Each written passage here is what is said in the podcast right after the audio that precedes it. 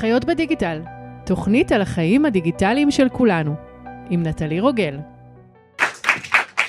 אז אני אתחיל בעצם את הפרק הזה, כמו שאני מתחילה את כל הפרקים בפודקאסט. שלום לכולם ולכולן, ברוכים הבאים לפרק נוסף של חיות בדיגיטל, תוכנית על החיים הדיגיטליים של כולנו. בכל תוכנית נדבר על תחום מהותי בחיינו, מהזווית הדיגיטלית שלו, ועל ההשפעה שלו על החיים שלנו. אני רק אציג את האורח שלי למקרה שמישהו כאן בקהל לא מכיר. האורח שלי היום הוא בעל כמה זהויות. הוא נולד ברמת גן, הוא סופר, חזאי, תסריטאי, במאי, מקסאי, פיזמאי, וכל מה שנגמר בעין בעצם. הוא חתם פרס ספיר, הוא מהסופרים העבריים המתורגמים ביותר, ספריו תורגמו ליותר מ-45 שפות. היי אתגר, מה שלומך? בסדר, ואני גם חייב להגיד שהמקצוע הראשון שלי הייתי בנאי, וזה גם נגמר בעין. טוב. אמ, אז יש לך תשובה מקורית לשאלה שואלים אותך מה שלומך, או שאתה פשוט אה, שואל את הצד השני מה שלמה? אה, לא, לא, זה, זו באמת שאלה טעונה בימים האלו, כי באמת, אה, אני חושב שאתה שואל מישהו מה שלומך, אתה יוצא מתוך הנחה שהוא בסדר, והיום שאתה שואל מישהו מה שלומך, אתה יודע שהוא לא בסדר, אז למה אתה שואל? נכון. אז, אמ, אז רציתי דווקא לשאול אותך על ההתחלה שאלה בהקשר של התקופה שאנחנו נמצאים בה כרגע, עם דווקא תקופות שהן אה, קשות ומורכבות, האם זה כר פורה לכתיבה, או שזה דווקא בדיוק ההפך? אה, אני, אני מרגיש שאצלי לפחות כתיבה היא מגיעה מאיזשהו סוג של חיכוך עם החיים. זאת אומרת, בעצם שהכל בסדר, אתה לא ממש צריך לכתוב. זאת אומרת, אני... אני חושב שיש איזשהו משהו בכתיבה שזה לפעמים כמו נניח לא יודע מה שאתה מארגן לעצמך קביים אתה לוקח אה, זוג מקלות ואתה מתקדם בעזרתם אז אני אומר. אם אתה יכול לדרוך על הרגל אתה לא צריך להמציא קביים אם החיים בסדר אתה לא צריך להמציא סיפור. אז אה, באיזשהו אופן אה, אני חושב ש... ש... ברמה עקרונית זאת אומרת כשחיים מוצלחים מדי זה לא דבר טוב ליצירה.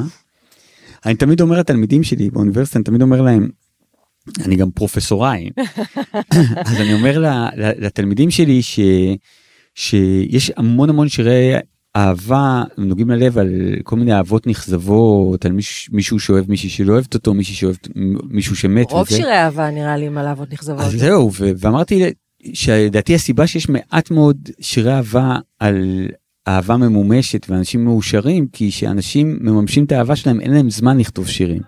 כשאתה יושב בבית אחרי שלא יודע מה, אהוב ליבך מת משחפת יש לך את כל הזמן שבעולם אתה אומר לו הוורסיה הזאת לא הלכה וזה אבל כאילו שאתה באמת אה, אה, עושה אהבה לבן אדם שאתה אוהב ב-200 תנוחות והוא אומר רגע בוא נפסיק בוא נכתוב שיר על כמה שטובים אתה אומר לו שתוק ותביא לי כוס מים כן אז אני אומר אז אז באמת אה, אז באמת אה, אני בעיקרון זה זה עובד ככה אני באמת בתקופות הפחות טובות בחיים שאני לרוב כתבתי יותר אבל אני חייב לומר ש, שבאמת ש, שבשביעי באוקטובר אז אז קרה לי איזשהו משהו אחר זאת אומרת אה, כי איך שאני חושב מה שאני חושב לגבי כתיבה זה מתי לרוב אה, אני כותב כשהשכל לא ממש יודע מה הוא רוצה או מה להחליט או מה הוא מבין.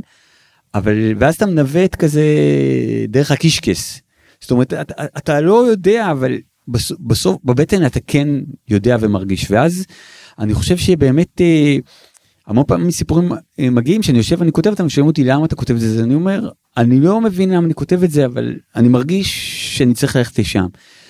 וכאילו היה משהו בשביעי באוקטובר שאני ממש הרגשתי שזה שזה השבית את הקישקס כאילו זאת אומרת שאני כבר זה לא רק שלא ידעתי אבל גם באיזשהו מקום אה, לא הרגשתי, היה אצלי, הייתה תחושה מאוד מאוד אה, עמומה וכהה וחסרת אוריינטציה ו, ובאמת אה, ולקח לי הרבה זמן עד ש, שחזרתי לכתוב אני ואני כרגע אני כותב הרבה פחות גם כמובן כי יש לי דברים אחרים, אחרים לעשות שהם קשורים למצב אבל אבל אני כותב פחות אבל כשאני, כשאני כותב אני באמת מרגיש בתקופות כאלה שכשאתה כותב. אז אני לא יודע מה זה אומר כלפי העולם אבל החוויה של הכתיבה היא הופכת להיות הרבה יותר משמעותית. היא הופכת להיות כמעט אה, לא יודע זאת אומרת באיזשהו מקום אה, שרידתית זאת אומרת זה לא שרידתית ברמה של שרידה פיזית אבל היא שרידתית ברמה של אתה שומע, יכול ככה לשמור על השפיות שלך, אתה יכול לבחון את המעשים שלך, אתה יכול לעשות כל מיני דברים כאלה, ו, ואני חייב לומר ש, ש, שכל העניין הזה של שימוש בסיפורים ובדמיון והחשיבות של זה, זה, זה משהו שאני ידעתי אותו מגיל מאוד צעיר, כי באמת ההורים שלי, אה, הם שניהם היו ניצולי שואה, ו, ובסיפורים שהם סיפרו על ה, איך הם שרדו את השואה, אז תמיד היה מקום מאוד מאוד משמעותי אה, לדמיון ו, ולסיפורים. ובתור ילד אני כששמעתי את זה אז אני אז אני גם הבנתי כמה שסיפורים ודמיון זה דבר חשוב אבל גם באיזשהו מקום הבנתי ש, שאם אין לך את זה אז יש סיכוי שלא תשרוד. אז, אז מה הטריגרים באמת שלך לכתיבה? אז אה, אז אני אגיד לך אספר סיפור אחד שאימא שלי סיפרה לי וסיפור אחד שאבא שלי סיפר לי ואני חושב שמתוך שניהם הכל יצא אבל אה, אבא שלי הוא שרת המלחמה כי הוא היה שנתיים הוא הסתתר שנתיים אה, אה, הוא והוריו הם הסתתרו בבור באדמה אחותו נרצחה אבל הם הסתתרו בבור באדמה. זה לא שנתיים 600 יום ובעצם אה, קצת פחות ואני אומר ובעצם בכל התקופה הזאת אה, היה להם מעט מאוד אוכל הם היו בבור באדמה הם לא יכלו לעמוד לא יכלו לשכב ישבו ששחררו אותם אחר כך אז הם לא, לא יכלו להפעיל את השרירים לא יכלו ללכת. וכשהייתי ילד שאלתי את אבא שלי איך הוא לא השתגע. שהיה שנתיים בבור באדמה ואז אבא שלי אמר לי היה לי פטנט שכל יום הייתי ממציא לעצמי עולם. ואז והעולם הזה הוא היה בדיוק כמו העולם שלנו רק הייתי משנה בו פרט אחד ואז באותו יום הייתי חי בעולם הזה. למשל אני הייתי ממציא לעצמי עולם שיש נאצים והם מחפשים יהודים אבל כשהם מוצאים אותם הם מביאים להם ממתקים. ואז הייתי בורח והיה תופס אותי קצין של ורמאכט והיה מכריח אותי לאכול שוקולד מריר ואז הייתי רץ ובאמת ואז אה, היו תופסים אותי מהאס אס ומאכילים אותי סוכריות גומי. והייתי אומר די אני לא יכול יותר והיו אומרים תשתוק יהודי מסריח תגמור את כל הממתקים אז אני אומר. ואז אמרתי, הייתי מעביר יום ואז מחרת הייתי אומר אוקיי יש יום יש נאצים אבל אה, אין להם שום בעיה עם היהודים הם רק אה, רודפים ילדות ג'ינג'יות. ואז במקרה שלי הייתה לי בכיתה ילדה ג'ינג'ית מאוד יפה ואני מחביא אותה בעליית הגג ואז שבאים הנאצים אני משתה בהם ואז היא מתאהבת בי ואז והייתי מעביר עוד יום ואני זוכר שאמרתי לאבא שלי בתור ילד אבל אבא אבל אני לא מבין את זה כאילו מעליך יש נאצים אה, אתה בבור באדמה בקושי יש לך מה לאכול מה זה כל העולמות האלה העולמות האלה בכלל לא קיימים מה מה זה עוזר ואז אבא שלי אמר לי תראה כשאתה במקום צר ו- ומצומצם אז אני אתה רוצה להרחיב אותו. עכשיו הוא אומר, אם היינו, הייתי יכול הייתי מרחיב את הבור שהייתי בו, אבל אני לא יכולתי להרחיב אותו, הדבר היחידי שיכולתי להרחיב זה את, אה, את העולם הפנימי שלי. והוא אמר, ברגע שאתה יכול לדמיין עולם אחר, אז אתה יודע, הוא באיזשהו מקום הוא אופציה, לפני זה הוא לא היה קיים, אבל עכשיו, מי יודע, אולי פתאום הנאצים יהיו בקטע של ממתקים. אז אני אומר, אז, אה, אז אני באמת, אה, זה כן נחקק אצלי בתור בתור משהו שאבא שלי היה עושה אותו, אבא שלי היה ממציא, אבא שלי היה מדמיין. וכשהייתי ילד הוא אמר לי, בזכות זה אני נורמלי. אז, אה, אז אמרתי, אוקיי, זה טוב, אם אתה יודע לדמיין במצבים מאוד מאוד קשים, זה יעזור לך. ואימא שלי, היא איבדה את שני ההורים שלה במלחמה בגיל מאוד צעיר, והחוויה הכי חזקה שהייתה לה מההורים שלה זה היה הסיפורים שהם סיפרו לפני השינה. את הסיפורים האלה הם סיפרו לה בגטו. וזה באמת בתקופה שהם לא היו יכולים אה, לתת לה אוכל, הם לא יכלו לתת לה בגדים חמים, הדבר היחידי שהם יכלו לתת לה זה באמת הסיפורים שלהם. והיא תמיד דיברה על הסיפורים האלה כמשהו שהוא באמת כל כך יקר ערך ומיוחד, שהיא גם החליטה שהיא תקים משפחה אז גם שאלינו לבית לא, יכנס, לא יכניסו ספרי ילדים, זה ממש היה איסור, ושהיא כל לילה תספר לנו סיפור שהיא תמציא כמו שההורים שלה המציאו. והיא באמת, זאת אומרת, התפיסה של, שאימא שלי הייתה באמת בן אדם שקרא המון ומאוד אהב תרבות, אבל מבחינתה נניח להקריא לנו יצירה קלאסית, אה, לא יודע מה, את אליסה בארץ הפלאות, זה כאילו פתרון של עצלנים. זה אימא שלא רוצה להכין ארוחת ערב ומזמינה וולט כאילו אז אני אומר זה לא זה לא לעניין זה לא מכבד אנשים. ובעצם כל בן אדם צריך להיות מסוגל אה, להמציא סיפור לאנשים שהוא אוהב, כמו שכל בן אדם, לא יודע מה, צריך לדעת אה, אה, להכין חביתה. ובאמת, אה, אני דרך אמא שלי הבנתי שבעצם כאילו לספר סיפור, זה בעצם דרך להביא, להביע אהבה. זאת אומרת, אמא שלי סיפרה סיפורים לי, כמו שההורים שלה סיפרו לה, אז, אז אמרתי לעצמי, כאילו, אם אני לא יודע לדמיין ואני לא יודע לספר סיפורים, אז אני, אני לא, לא אוכל לתת משהו לאנשים שאני אוהב, ואני לא אוכל לשרוד. חייבים אה, לדעת להתעסק עם זה. מדהים. אז אה, אז אני אשאל אותך את השאלה הבאה ואתה יכול לענות עליה באנגלית. יש לנו, התקבלה בקשה מהקהל אה, לדבר באנגלית.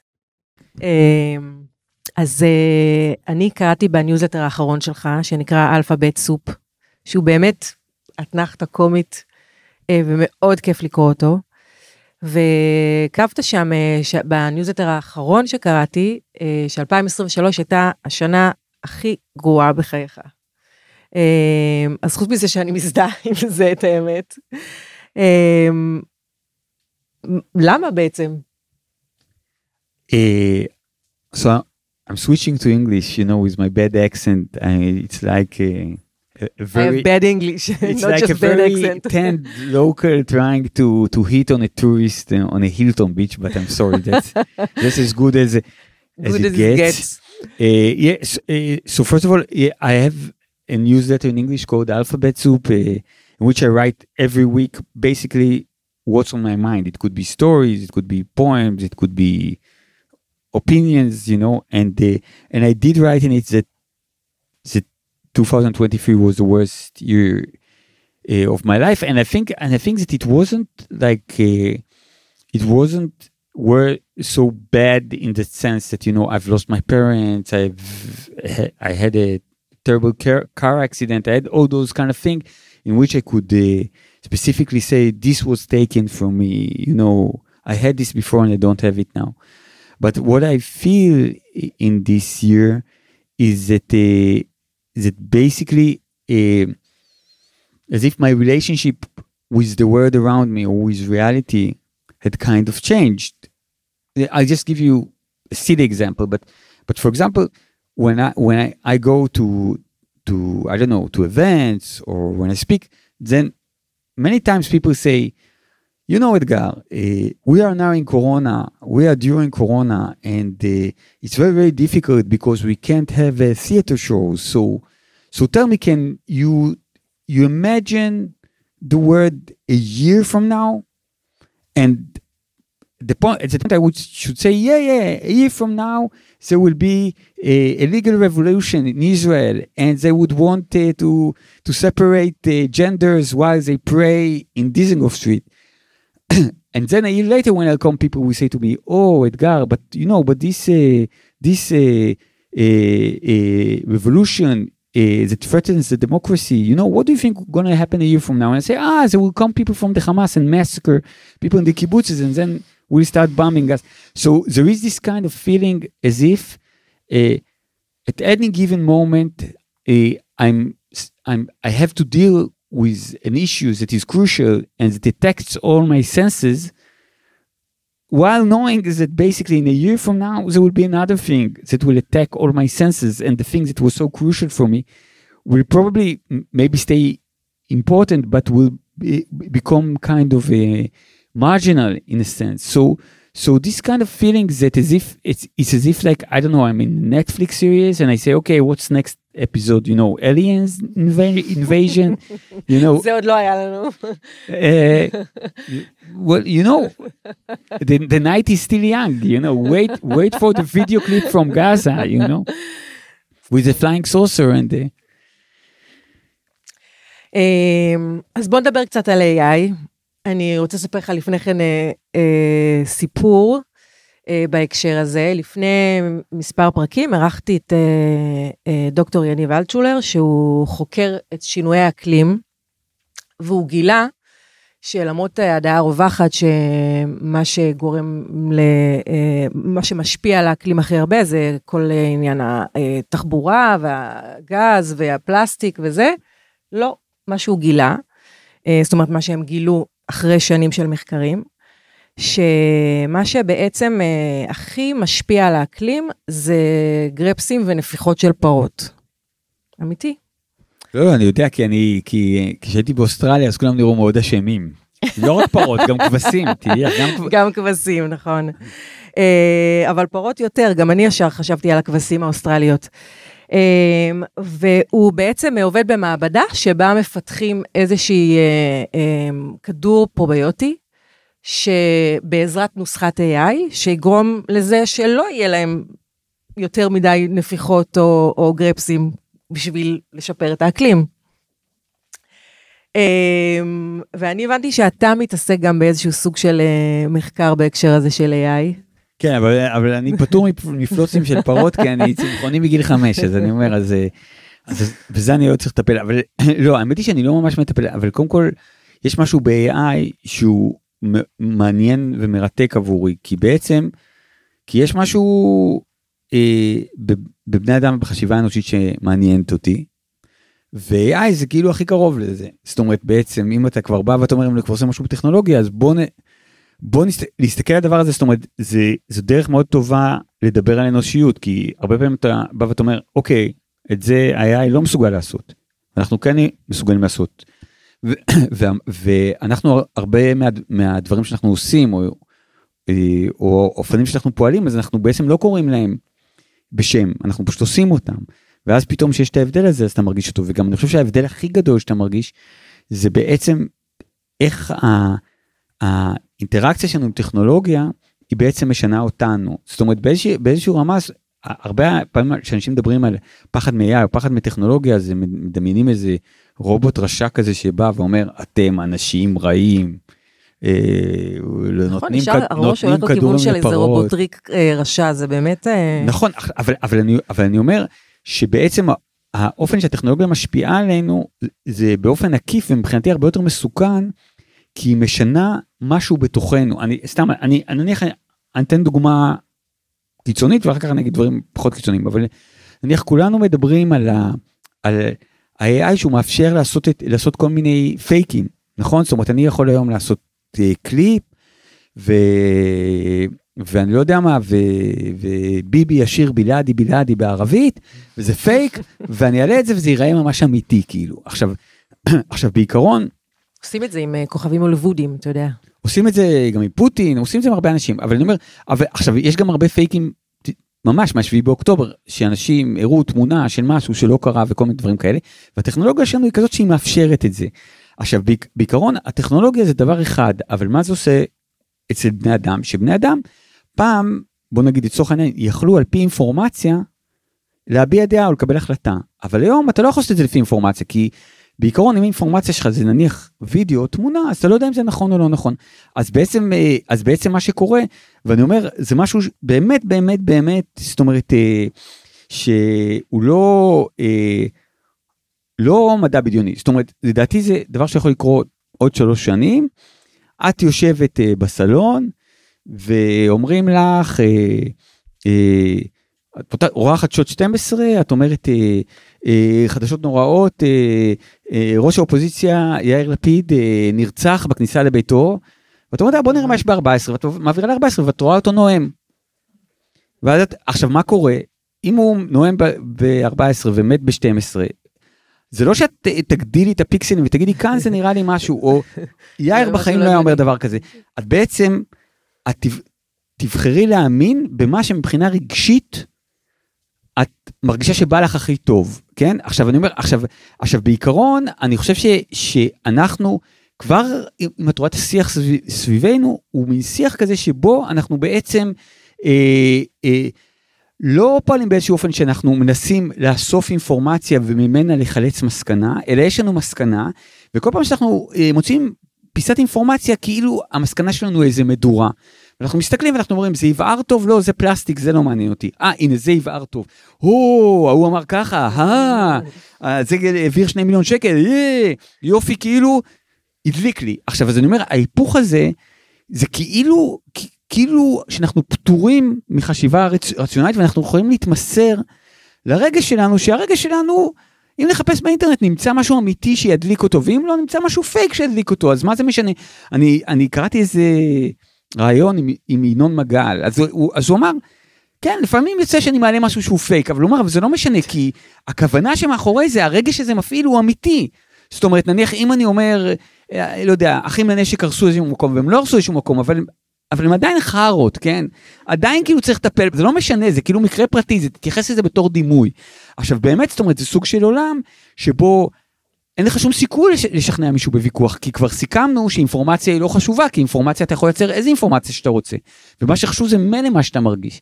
אז אני אומר, אז הסוג של ההשפעות האלה, הן נראות לי השפעות הרבה יותר מסוכנות. אני אגיד לך דוגמה סתם לפני הרבה זמן דווקא, אבל הייתי בארצות הברית, ופגשתי שם איזשהו זוג, והם נורא נחמדים, אה, והייתה להם בת, והבת שלהם הייתה מקסימה, והיא ידעה המון דברים על העולם. זאת אומרת, ידעה כל מיני דברים שאני לא ידעתי, וזה ישר עשה רגשי נחיתות, אבל היא ממש ידעה, ואמרה כל מיני משפטים בכל מיני שפות, ואמרה לי כל מיני דברים, כל מיני יבשות, והיא אמרה לי כל מיני בירות של מדינות שהיא יודעת שהן קיימות, והיא ממש כאילו, באמת הייתה, ידעה המון. אה, והם אמרו לי בגאווה שהילדה שלהם, אה, אה, אה, אין לה בייביסיטר, והיא פשוט, היא, היא פשוט מבלה שעות ביום עם סירי. וסירי מלמדת אותו כל מיני דברים. בת כמה היא? אה, אני הייתה בת שבע, אוקיי. משהו כזה.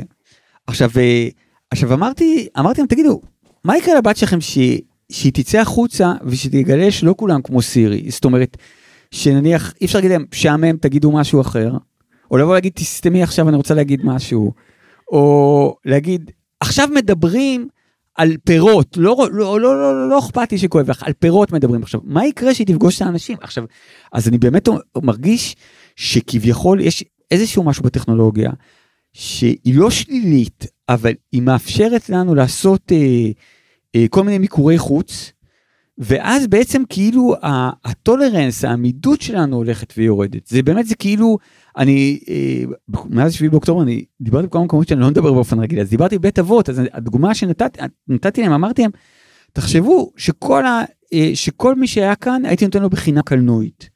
תוך שלושה חודשים אף אחד לא היה מסוגל ללכת. עכשיו אנחנו בעצם כאילו יש איזשהו בטכנולוגיה היא סוג מסוים של קלנועית, היא, היא מסיעה אותנו לכל מיני מקומות, היא, היא מאפשרת לנו, היא פותרת אותנו מדברים אחרים, ואנחנו מאבדים יכולות. עכשיו אם היכולות זה, לא יודע מה, לזכור את הטלפון של האימא של החותן שלך, אז אני אומר, אז כאילו, את יודעת, זה יותר טוב שיש לך באייפון, אבל אם היכולות האלה הן יכולות באמת של, אה, של אה, להתנהל בעולם אה, באופן, בוא נגיד, הרבה יותר, שהוא הרבה יותר פתוח מבחינה רגשית, אז זה כבר לא קורה. אבל אז נראה לי שאנשים בעצם יאבדו את היכולת להבחין בין מה אמיתי ומה לא אמיתי. קודם כל, אנשים יאבדו את היכולת להבדיל בין מה אמיתי ומה לא אמיתי. נניח, אני סתם, מחשבה, עכשיו זה... זה, זה קורה כבר עכשיו, אני, אני לא אומר את זה מדעית, אני אומר את זה ככותב, כן? אז אני, אני בא ואני אומר, תארו לעצמכם שכל וואטסאפ שאתם מקבלים, הוא יכול להיות ממישהו שהוא פייק, כמו הודעת פישינג, כל video call שאתם מקבלים הוא יכול להיות ממישהו שהוא פייק כי זה כמו הודעת פישינג כל שיחה קולית שאתם מקבלים ממישהו זאת אומרת אז באמת אז נניח אז שאנחנו אומרים את הטלפון ומישהו אומר אבא אני צריך 500 שקל תעביר לי מהר. ואז אני אבוא ואגיד אתה הבן שלי ואז הוא יגיד אבא תגיד אתה מטומטם אני הבן שלך אז אני אגיד אוקיי אז מה הבאתי לך מתנה ליום הולדת אה, שמונה אז הוא יגיד מה הבאת לי אתה קנית לי אופניים. ושים תמונה אפילו שלא עם אופניים. ואז אני אגיד אה, וואלה אני מעביר 500 שקל ואז הוא יגיד עבדתי עליך ומצאתי תמונה בפייסבוק ואני בכלל לא הבן שלך ואני אני גר בטימבקטו ואני עכשיו מזמין פיצה לכל החברים שלי על חשבונך עכשיו אני אומר. איזה דבר זה יכול לקרות זה נניח יכול לקרות זה יכול לייצר איזושהי מציאות שבה אנחנו רוצים לעשות עסקים רק עם אנשים שאנחנו רואים אותם זאת אומרת המשמעות של לדבר עם מישהו פנים אל פנים. זה בעצם כי כי AI לא יכול לייצר הולוגרמה תלת מימדית עכשיו בעצם נניח מה זה אומר זה אומר שאם אני יכול לקנות נניח מוצר מסוים מיפן, או אני יכול אה, לקנות אותו בפתח תקווה ויעלה לי קצת יותר, אז היפני אומר, don't worry, I'm gonna send it to you, אבל הוא בכלל לא יפני, זה קולומביאני, תפס לו את המספר. אבל הוא פתח תקווה, אני בא ואני אומר, אני בא אליך מחר, אני מושך אותך באוזן, תשמע, יאקי, אני לא אומרים לי דדליין ואחר כך מביאים את זה שבועיים אחר כך, ואתה יודע שתוכל למשוך לו באוזן, אז אני אומר, אז כביכול נניח אנחנו באיזשהו עולם, שאנחנו אומרים האינטרנט, אפשר אני יכול להזמין כד ממישהי שגרה על הר געש, כאילו באוקיינוס האטלנטי, אבל בסופו של דבר נניח כל ההתפתחות הזאת יכולה נורא באמת אה, אה, לעשות כיוון הפוך, שהוא ממש כמו דבולוציה, זאת אומרת שאנחנו באמת יכולים לבוא ולהגיד אני סומך רק על מי שאני רואה, ו, ו, ואני אומר, והדבולוציה הזאת אז נניח יכולה להיות חברתית, וגם פשוט יכולה להיות רגשית ואנושית, כי נניח איך שאני רואה את זה, זאת אומרת, היום אנחנו מתקשרים עם רוב העולם דרך המחשב. עכשיו, המחשב, איך אנחנו מתקשרים? נניח יש מנהרה, כן, עכשיו יש כזה עיגול של המנהרה, ואנחנו יכולים לשחות במנהרה, והופ, אנחנו יוצאים מהצד השני, והנה, רואה החשבון השוודי שלי אומר, אתגר, מיליארד, דו- מיליארד יורו בשנה, אין עליך, ואני אומר לו, תן כיף, וככה אנחנו מתקשרים, דרך המחשב.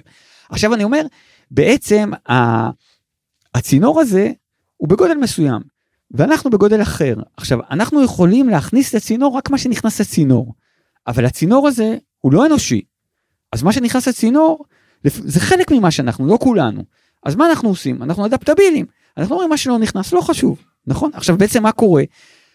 אני עכשיו אה, אה, אה, עושה איזשהו פרויקט אה, עם חוקרים באוניברסיטת תל אביב שאני מנסה ללמד AI לכתוב. עכשיו, הדבר הראשון שאתה קולט באמת, שמה, הדבר הכי קשה להסביר ל-AI, זה, את, זה מושג של עמימות, מושגים של עמימות רב משמעיות. כי כאילו אי אפשר לבוא ולהגיד נניח, אה, כן, האחיין שלי, אני, אני מת עליו, הוא מצחיק כזה, אבל הוא מה זה חופר, נכון? כי, אז היה אומר, רגע, אתה מת עליו או שהוא חופר? תחליט, כן? עכשיו אני אומר, זה מאוד מאוד קשה לו להביא את הדבר הזה. אז הוא בנה לנו צינור שלא מביא את הדבר הזה. זאת אומרת, נניח, שמישהו כותב לכם פוסט, אתם לא אומרים, בואנה, הפתיחה של הפוסט הייתה טובה, באמצע קצת איבדתי אותך, ב- ב- בסוף ממש ממש הרגזת אותי, אבל היה שם קטע מצחיק, נכון? אנחנו עושים לו לייק, אנחנו עושים לו unlike, נכון? אחר כך אנחנו יוצאים ברחוב ואנחנו פוגשים בן אדם, אז מה, גם נתחיל להגיד לו, תדע לך, כאילו, אתה נורא נורא מצחיק ויש לך ריח גוף נורא, כאילו, מה זה, כאילו, אז או שאנחנו אומרים לו עוף מכאן, או שאנחנו אומרים לו יאללה בוא נתחתן, כן? עכשיו אני אומר, אז, אז בעצם, מה שקורה זה, זה ש... זה לא שהטכנולוגיה תהיה כמונו ותהרוג אותנו כי אנחנו גזע חרא, אלא בעצם הטכנולוגיה תוריד אותנו ותייצר את הסוג הזה של הדבולוציה שאנחנו פשוט נהיה פחות מפותחים מבחינה רגשית, מבחינה... אני יש לי דוגמה שאני תמיד מביא אותה, אה, אז סליחה אם שמעת פעם, אבל היא, היא באמת דוגמה מבחינתי מאוד מהותית. אני בן אדם של מילים, אני מה, מה ש... דבר שהכי מעניין אותי זה מילים. אני באמת, אני מקשיב לדובר צה"ל, אז פחות אני אומר, לא יודע מה קורה במלחמה, אני בא ואני אומר, בוא נספור כמה פעמים הוא יגיד להרוג מחבלים הפעם. כן, אני אומר, זה כאילו, אני כאילו, יש לי, יש לי קטע כזה עם מילים. ואני בא ואומר, רגע, מתי אומרים להרוג, מתי אומרים לחסל, מתי אומרים להשמיד. אני- זה מעניין אותי, אה, הקטע המילולי. האמת היא שזה מעניין אם יש כוונה מאחורי כל דבר כזה, כאילו למה לא להשתמש באותה מילה פשוט. בטח, אז אני אגיד לך, זה נורא נורא ברור, כי נניח סתם, כשאת מסתכלת על אחים אמריקאים, המ- האמריקאים, חוץ מדונלד טראנק, אה, טראמפ שאמר, על לא יודע, סולימני, he died like a dog, שזה היה באמת כאילו, זה נשמע כמו מאיזה סד- סדרה טובה בנטפליקס, אז אני אומר, אז בעיקרון, אם תסתכלי על אמריקאים, הם תמיד יגידו eliminate, eradicate, להשמיד, למה? כי בעצם כשאתה משמיד או אתה מחסל, אתה מחסל איום, ואז בעצם העניין שאתה הורג בן אדם, אז הופך להיות איזה משהו משני לזה שאתה מחסל איום. עכשיו, כשאתה בא ואתה אומר, אני הורג בן אדם, אתה בא ואתה אומר, הקטע שלי זה להרוג בני אדם, כן? עכשיו, אני בא ואומר, וזה, ולפעמים באמת זה הקטע שלך, כי הבא להורגך השכם להורגו. אבל אני בא ואומר, גם בטרנספורמציה הזאת, יש בזה איזושהי מין הסרת מסך, כאילו שקצת אומרים, בינינו כאילו, אבל אחרי הטבח וזה, באנו טוב, לא, הרגנו מחבלים, בוא לא נגיד השמדנו, בוא נגיד הרגנו מחבלים, שכאילו דמיינו מישהו מתפוצץ, אני, אתם בשבוע כזה, אני הולך איתכם, כן? עכשיו אני אומר, אבל בגדול אני מקשיב הרבה למילים, אז מה שרציתי להגיד, זה שהבן שלי, שהוא אה, תמיד לועג לי על באמת על, על הטכנופוביה וה, והאופן שבו אני לא, לא, לא שולט בטכנולוגיה, הוא לימד אותי פטנט, שבטח כולכם אתם מכירים כבר 20 שנה, שאם שולחים לכם הודעת וואטסאפ, אז במקום לענות, אתם יכולים ללחוץ לחיצה ארוכה, ואז במקום לכתוב את התשובה, אתם יכולים לשלוח אימוג'י. עכשיו, אני מקבל באמת, אני מקבל לפחות 100 הודעות וואטסאפ ביום. עכשיו, זה, זה סטארט-אפ, נכון? כאילו, במקום לכתוב, אה, אה, תשמע, כן, אני לא אוכל להגיע בשלוש ורבע, אבל אני אגיע באזור שלוש וחצי וזה, אם אני סתם שולח לו אימוג'י, זה יותר, זה, זה בשנייה. עכשיו, בעיקרון, כשהוא לא יבין מה אתה רוצה להגיד. לא, לא, הוא יבין, הוא יבין, אנחנו, חבר'ה, אנחנו במאה ה-21, מה, מי לא מבין אימוג'ים? הוא יבין, אז אני אומר, אז באמת, אז, אז הבן שלי הראה לי שיש לי ארבעה אימוג'ים, ופלוס. עכשיו, אם תלחץ על הפלוס, יש עוד אימוג'ים. עכשיו, אני- מה, אני אלחץ על הפלוס, כאילו, ארבע מספיק, מה, אני כאילו, מה, אני לא גרידי. יש לי אה, אה, בוהן כזה, אגודל כזה, מונף כלפי מעלה, לייק. ויש לי ידיים. נמסטה כזה, כן, ויש לי, אה, אה, מה עוד היה לו? אה, וואו, אני מנסה, יש לי, אה, יש לי, שזה עם ה... ש... אז זהו, לא, אז היה לי, יש, היה, לא יודע למה יש לי כמו מין סופת טורנדו כזאת שאני לא משתמש בה כל כך, והרביעי יש לי לב. עכשיו, בעיקרון, אני כל הודעה שאני מקבל, אז נניח, אז אם את, נטלי כותבת לי, תשמע, יש לנו הקלטות היום, תוכל לה- להקדים חצי שעה? שולח לבוהן, כן? עכשיו, אה, רואה חשבון שוודי, שולח לך את המיליארד יורו לחשבון הבנק שלך. כן, תודה, תודה. נכון? עכשיו, אה, אבל אז, אה, או לב. אה, לא, יותר תודה, זה לא רגשי, זה ביזנס. אבל נניח אם מישהו בא ואומר, אה, תשמע אתגר, אה, אתה יודע, זה טוב ויפה שאתה משאיל ממני את האוטו, ואני מעריך את זה שמילאת דלק, אבל יש ריח של סיגריות, אני לא מבין, כאילו, אני בא לקראתך ואתה עושה כזה דבר, אתה יודע כמה אני אוהב אותך. ואני מבחינתי גם הייתי מחליק את זה, אבל אתה יודע, אבל, אה, אבל אשתי ממש עושה לי את המוות, ואני ממש מבקש, אתה יודע, אל תעשה דברים כאלה יותר, ו, ואני לא אומר לך את זה, אני זוכר כמה עזרת לבן, ואני זוכר שאז שהחתמת לי לדירה, אבל עדיין, בכל אופן, אתה יודע, זאת זה משהו פרטי, כן? אני שולח לו לב, נכון? כי אני לא יכול לשלוח לו בוהן, נכון? אני לא יכול להגיד לו סבבה שאתה אומר שעישנתי לך באוטו, כן? אני לא יכול להגיד לו תודה, כי הבן אדם נוזף בי. אני שולח לו לב. עכשיו, בעיקרון, אני עונה על... מעניין לעשות ניסוי כזה עם כל הארבעה אימוג'ים מתאימים לכל סוגי התשובות שאפשר להביא לאנשים. אז מה, מה שאני רוצה להגיד, שאני מסתדר עם זה מצוין, אני רוצה להגיד שאני בערך שולח 70 לבבות אדומים ביום, אף אחד עדיין לא התלונן, אני לא בטוח שכולם מבינים מה אני אומר, אני גם לא בטוח שאני מבין מה שאני אומר, אבל זה חוסך לי המון זמן. עכשיו, את יודעת מה אני עושה בזמן. הזה? אני מעשן לאנשים במכוניות שלהם, אני, אני שוכב על השטיח, אני, אני משחק עם הארנב שלי, במקום לענות לאנשים, אני עושה משהו אחר. עכשיו, בזמן שאני עושה משהו אחר, אני, שאני בן אדם שמאמין שכל שאלה שתשאלי אותי, אני אוכל לתת לך תשובה מעמיקה וחד פעמית, מהיום תקבלי לב, אין תשובה מעמיקה וחד פעמית מתוקה, זה לא, זהו, נגמר, אין, זה היה עד, עד עכשיו הבן שלי גילה לי משהו, מהיום זה לב. ואולי, אולי בוהן כזה, אם, לא יודע מה, אם תבקשי משהו, אבל, עכשיו, אז אני בא ואני אומר, התהליך שאני עברתי, המציאו פיצ'ר שהפך אותי לבן אדם עילג, כן? לבן אדם שיש לו שלוש מילים בשפה. עכשיו, רגרסיה מטורפת. זה- זה רגע שזה דבולוציה, זה פשוט דבולוציה, זה כמו שהאיש הכפוף פתאום הולך זקוף, האיש הזקוף פתאום נהיה קוף. עכשיו אני אומר, עכשיו, עכשיו, אנחנו משתתפים בה באופן פעיל כי, כי נוחה לנו, כי קלה לנו, כי אני סיפרתי לכם את הסיפור המגניב הזה, אבל אני עדיין עונה לאנשים באימוג'י, זה חוסך לי שעה ביום. זה חוסך לי שעה ביום לתקשר איתם באופן לא כל כך מושלם ומוצלח, אבל מספיק טוב, ולי יש עוד שעה, ומה אני עושה בשעה? מה שאין לך באוטו. אז רגע, אז, אז, ש... אז אני רוצה שנייה להבין, עכשיו אתה יושב מול המחשב, רוצה כן. לכתוב משהו. כן. אתה משתמש ב-AI? לא. בכלל? בכלל לא. אני, אני, אני, תראי, אני, שת, אני, האינטראקציה שלי עם AI היא, היא כזו, זאת אומרת, אני הייתי באיזשהו מבחן כזה, שנתנו לי לכתוב סיפור ולקחו AI ונתנו לו את כל מה שכתבתי בחיים, וכולל, לא יודע, מיילים והכל, ונתנו לו לכתוב סיפור, ואז הייתה, ואז הראו את זה 30 אנשים, והם היו צריכים אה, לנחש איזה סיפור אני כתבתי ואיזה סיפור הוא כתב, ו-29 ניחשו, ו... חשוב נכון? כן, והחותנת שלי שהיא פודקסטרית אה, חייתית בזכות אה. עצמה, היא היחידה שהתבלבלה. ביני לבין ה-AI. אמרתי לאשתי, ארוחת שישי הבאה, תלכי עם- עם הלפטופ, היא לא תשים לב. נכון. אה, זה הזמן ל- באמת לפרגן לפודקאסט של אה, נורית ושירה שהוא מצוין. כן, אז אה, האמת שזה הפוד- הפודקאסט של נורית שירה רק התארחה, אני- אבל אה, אה זה לא הולך להיות במתכונת קבועה? לא נראה, אה, אה, אשתי לא, אני אני פשוט, אני אומר, אני בגלל שלא עברתי טיפול פסיכולוגי, אז אני הולך לפודקאסטים, אני מר- מרגיש כאילו שזה מקדם אותי, אבל אשתי דווקא היא שפויה, אז היא לא צריכה את הדברים האלה. אוקיי.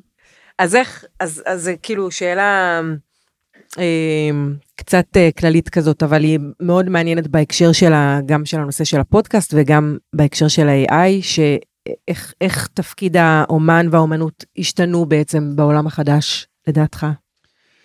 אה, אז שוב, אז אני אומר, זה יכול ללכת, זה פועל לשני כיוונים, כי קודם כל אני אומר, אין לי שום ספק בגלל שאני עכשיו עובד עם AI, שה-AI היכולות שלו והמקומות שהוא יכול להגיע אליהם, אה, שזה הכל פשוט באמת, זאת אומרת, אה, איזשהו סוג של תכנות, כי נניח סתם, אם אתה בא ואתה אומר, הסיבה שה-AI אה, אה, לא כותב טוב, זה בגלל שהוא לא, אף פעם לא עבר טראומה. אז אתה יכול לייצר לו, לייצר לו פרסונה שעברה טראומה, ולראות איך זה. אז אני אומר, אז אני מאמין שלטווח ארוך, ה-AI יוכל לכתוב דברים כל כך מדהימים שאף בן אדם לא יוכל לכתוב אותם, ולטווח עוד יותר ארוך הוא יכתוב דברים כל כך מדהימים, שגם אף בן אדם לא יוכל להבין אותם. ואז ה-AI, הוא יכתוב ל-AI, וגם ה-AI יבין את ה-AI, ואז ה-AI ירים ל-AI, ואנחנו בטח נעשה משהו בינתיים, בינתיים מעשן לך באוטו, אבל באמת, אה, אה, אז אני, זה דבר אחד, זה דבר אחד, אבל דבר שני, מה שאני רוצה להגיד, שאני חושב שהיחס שלנו לאומנות הוא מאוד מאוד משתנה.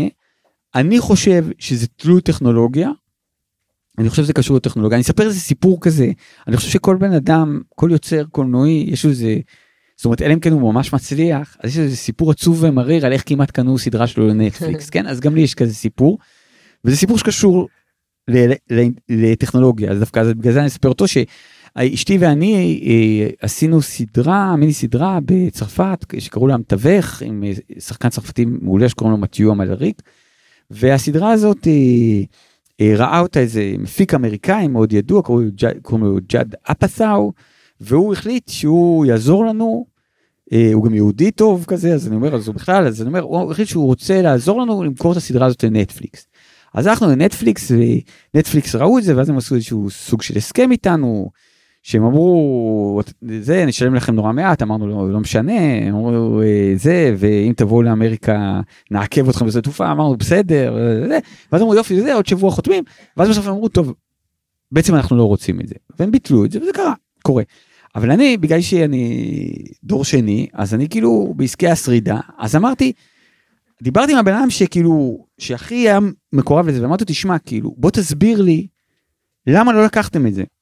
למה לא לקחתם? שאני אבין, שאני אעשה עוד אחד שייקח. אז הוא אמר, יש כל מיני סיבות. אז אמרתי, בוא תן לי את הסיבה כאילו שהכי דיברתם עליה. אז הוא אמר, אוקיי, הסדרה, הסדרה שלכם היא לא באה טוב לאלגוריתם של החיפוש. אמרתי לו, מה זאת אומרת? אז הוא אמר, תראו, תראה, האלגוריתם הוא לומד את האנשים והוא מביא להם דברים. עכשיו, נניח, בעיקרון, הוא יודע שמישהו אוהב מדע בדיוני, אז הוא מביא לו מדע בדיוני. עכשיו, הסדרה שלך, של, שלכם, יש מסע בזמן, אבל זה רק אה, בשני פרקים, ובשאר הזמן הכל נורא ריאליסטי. אני לא יכול להביא אותה למישהו שהוא מדע בדיוני, הוא יתבאס עליי.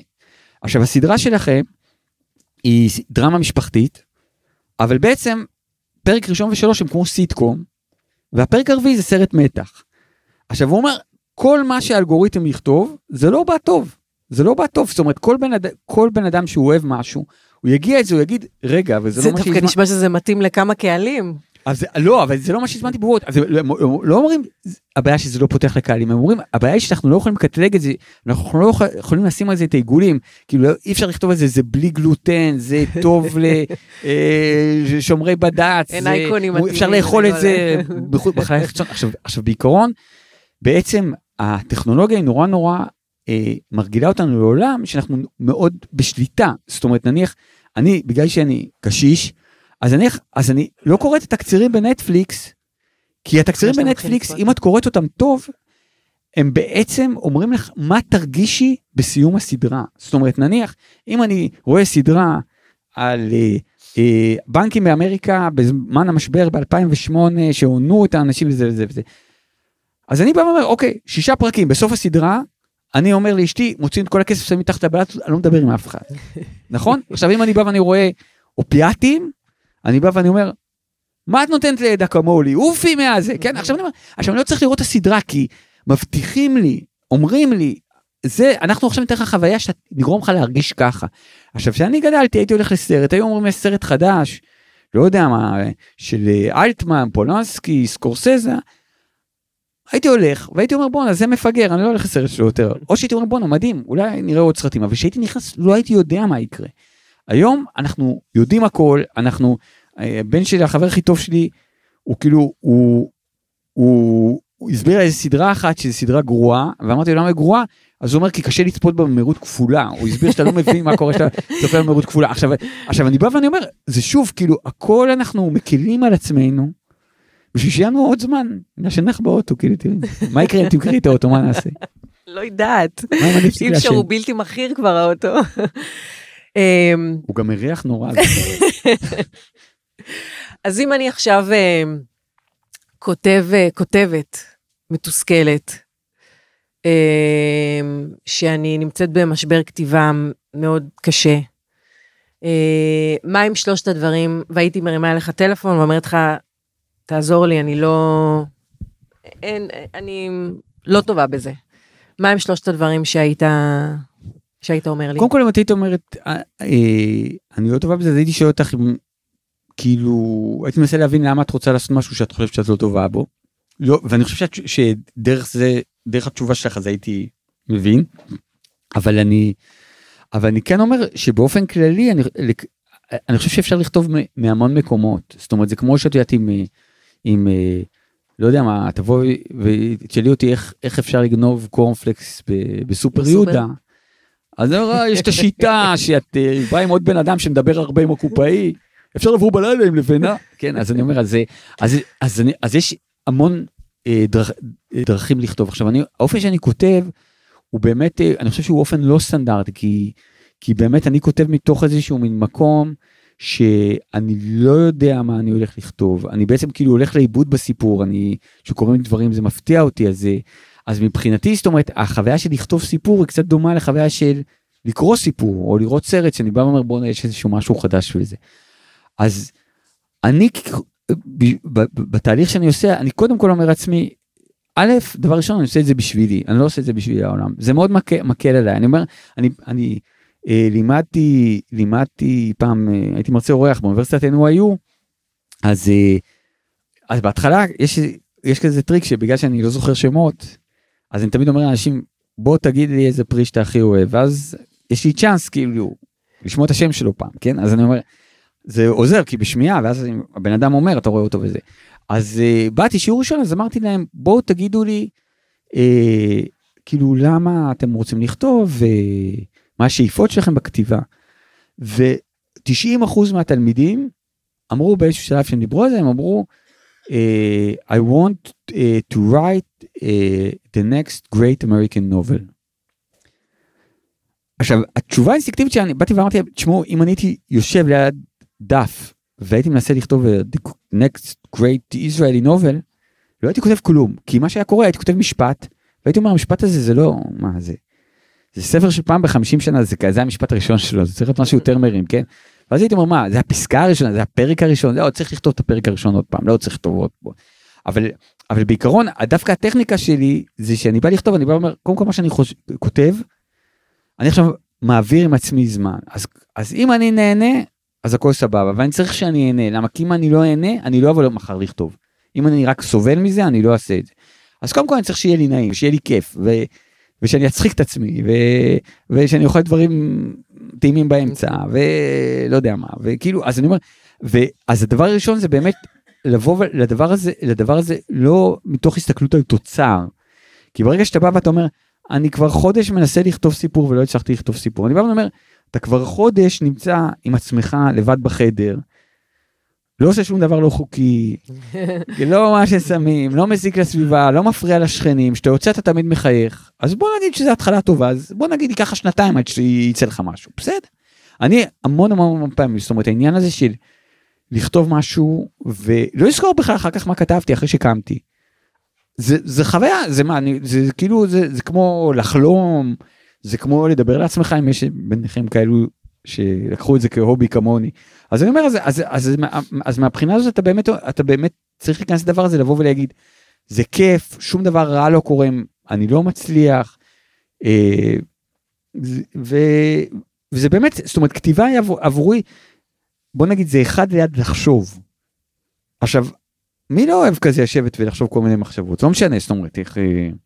איך הוא מתעשר, איך הוא מענה את השכן שלו, איך... אה, לא, כי יש תפיסה כזאת שבשביל לכתוב, אז אתה צריך שכל הזמן יקרו לך דברים מעניינים. זה שטויות. זאת אומרת, שטויות אני אומר מהבחינה הזאת, אה, זה לא שטויות, אה, זה, זה, זה, זה, זה זאת הגדרה לא נכונה, כי, כי מה זה בדיוק מעניין? זאת אומרת, אה, אה, תראה, אני פעם הייתי בתוכנית כזאת סיפורי לילה, יש את זה עוד? אני לא יודע. לא, אין את זה. אז היה סיפורי לילה מדברות, אז כאילו התקשר איזה בן אדם, אז הבן אדם הזה אמר, אה, אהלן, אה, קוראים לי מיקי, ואני רוצה להציע לי אתגר עסקה. אז הוא אומר לו, תשמע, אני, היה לי סיפור חיים מסעיר. אה, מה שאני מציע זה, זה, שאתה תכתוב את הסיפור חיים שלי, נתחלק חצי חצי חצי בכסף, זה יהיה להיט עולמי. אז אני אומר לו, לא, לא, זה לא נראה לי. אז הוא אומר, אתה יודע מה, 40-60, אני תאמין לי, כסף זה בכלל לא העניין. אז אני אומר לו, לא, אבל תשמע, אני לא יודע לכתוב סיפור שאנשים אחרים אומרים, אבל אתה לא מבין, הסיפור שלי חד פעמים. אני אומר, בוא תספר. הוא אומר, גיל 17 וחצי, עושה בחירות לעתודה, מקבל את הציון הפסיכומטרי הכי גבוה במחזור שלי, הולך ללימודי הנדסה, מצטיין בלימודי הנדסה, גומר בהצטיינות יתרה, שוכר דירה בתל אביב, עובר לגור עם חברה שלי, חברה שלי עוזבת אותי, קופץ מהחלון קומה רביעית, נופל על שיח, שובת כל העצמות, עשרה חודשים שיקום, מתאהב באחות, מתאהבת בי, מתחתנים, שנתיים ביחד, היא גם עוזבת אותי, אנחנו גרים קומה שלישית, קופץ, עוד פעם חוסר מזל, נפלתי על הדשא, שברתי כל העצמות. מכיר את, את, את, את חברה שלי בשיקום, עושה הסבה מהנדסת תעשייה לניהול הנדסת מכונות. עכשיו, הוא אומר, אה, ושכחתי, קצין בתותחנים, בסיור פעיל, אה, ב, ב, בשירות פעיל.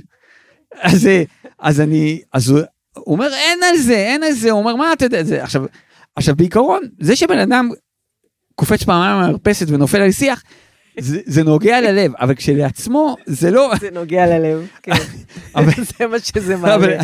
לא, אבל אני אומר, כש, אבל כשלעצמו, זה, זה לא דבר, זאת אומרת, זה לא קטע של עצימות, זאת אומרת, נניח, אם, אם, אני אבוא, אם תבואי ותגידי, אני, אני רוצה להגיד, אה, אני רוצה לכתוב ספר, כי אני הייתי בתאונת אה, אה, דרכים נוראית, אז אני אבוא, אגיד, נתן לי, לא יכול להיות שאני לכתוב ספר, אבל זה עוד, אמרת, אתה לא מבין. הייתי בתאונת דרכים שמתו 640 אנשים, ונפצעו עוד 2,300. אז זה לא יהיה סיפור טוב. אז אני בא ואומר, אבל נטלי, איפה את בסיפור? אני חושב שאת יודעת שאם את תכתבי סיפור על זה שאת אה, באה לקחת את הילד שלך מהגן ואת אה, איחרת כי שכחת ואת מנסה להסביר לו שלמה איחרת ואת גם חצי משקרת וגם את מפחדת שהוא יחשוב שאת לא אוהבת אותו אז זה יכול להיות סיפור טוב כי זה סיפור על משהו שהוא אה, בליבת הקיום שלך שזה משהו שמי שישמע אה, אה, אותו או יקרא אותו אז הוא יבין משהו מה זה להיות נטלי. עכשיו זה שאת היית בתאונת דרכים שמתו בה 1642 אנשים, זה באמת אומר שהיית צריכה לקחת את הרכבת של קודם, כן? אבל אני אומר, אבל זה לא אומר שום דבר עלייך או על החוויה שלך. אוקיי. Okay. רגע, זה הדבר הראשון. הדבר הראשון זה לאהוב את מה שאני עושה וליהנות מזה. זה דבר ראשון. כן, עכשיו, עכשיו, אני חושב שהדבר השני זה להבין שאתה כותב, אתה במקום שהוא לא שיפוטי. זאת אומרת, אה, האמת היא שעשיתי אה, הרצאה אה, לאנשים פגועי נפש, אז במקרה, זאת אומרת, כמו הקלנועיות שהופיעו בהרצאה בית אבות, אז כשדיברתי איתם, אז אמרתי להם, תשמעו, כתיבה זה כמו שאתם, נניח שאתה במוסד ויש תא מרופד כזה, שאתה יכול לרוץ, בום, נכנס עם הראש בקיר, לא קורה לך כלום. אתה קופץ, טח, נופל, אתה מפיל את עצמך על האף, לא קורה לך כלום. עכשיו, אמרתם, כתיבה זה תא מרופד, אז אומרים, אנחנו יודעים, אנחנו יודעים, היינו שם, כן, זה אומר, מכירים, מכירים, אז אני אומר, אז עכשיו, אז באמת, עכשיו, יש איזשהו משהו שהמון פעמים שאנחנו כותבים, אז יש כל מיני דברים שהם קיימים אצלנו בחיים, כמו למשל, אה, שאני נמצא באיזשהו מקום, אז אני רוצה שאנשים אה, יחשבו שאני בן אדם חכם, חיובי, אה, מצחיק, נ, מצחיק נאה, אה, ספורטיבי, כן, עכשיו, אז אני אומר, אז אני עובד בזה, אתה מבין, אני חדשו אותי שאלה, אז אני אומר, רגע, יש לי תשובה, אבל לא, אני אתן את התשובה אינטליגנטית, יש לי תשובה אחת באנגלית, כן? את התשובה עם הציטוט אני אביא. אז אני אומר, עכשיו, עכשיו, כל הדברים האלה הם מאוד נכונים לעולם, אבל בכתיבה אנחנו בדיוק צריכים להיות במוד הפוך. זאת אומרת, אנשים תמיד חושבים על כתיבה כאילו אתה נמצא באיזשהו מקום, אתה בא, אתה אומר, כל העולם רואה אותי, אז אני מתלבש הכי יפה, כן? אבל אני אומר, אבל דווקא אני אומר, אתה מדבר עכשיו עם עצמך. ו... ואם העולם יראה אותך, אז בסדר, אז הוא יראה אותך מדבר עם עצמך, ואם תגיד לעצמך משהו מעניין, אז סבבה, אבל כאילו עזוב את העולם עכשיו, הוא לא בעסק, זה, בין, זה בינך לבין עצמך.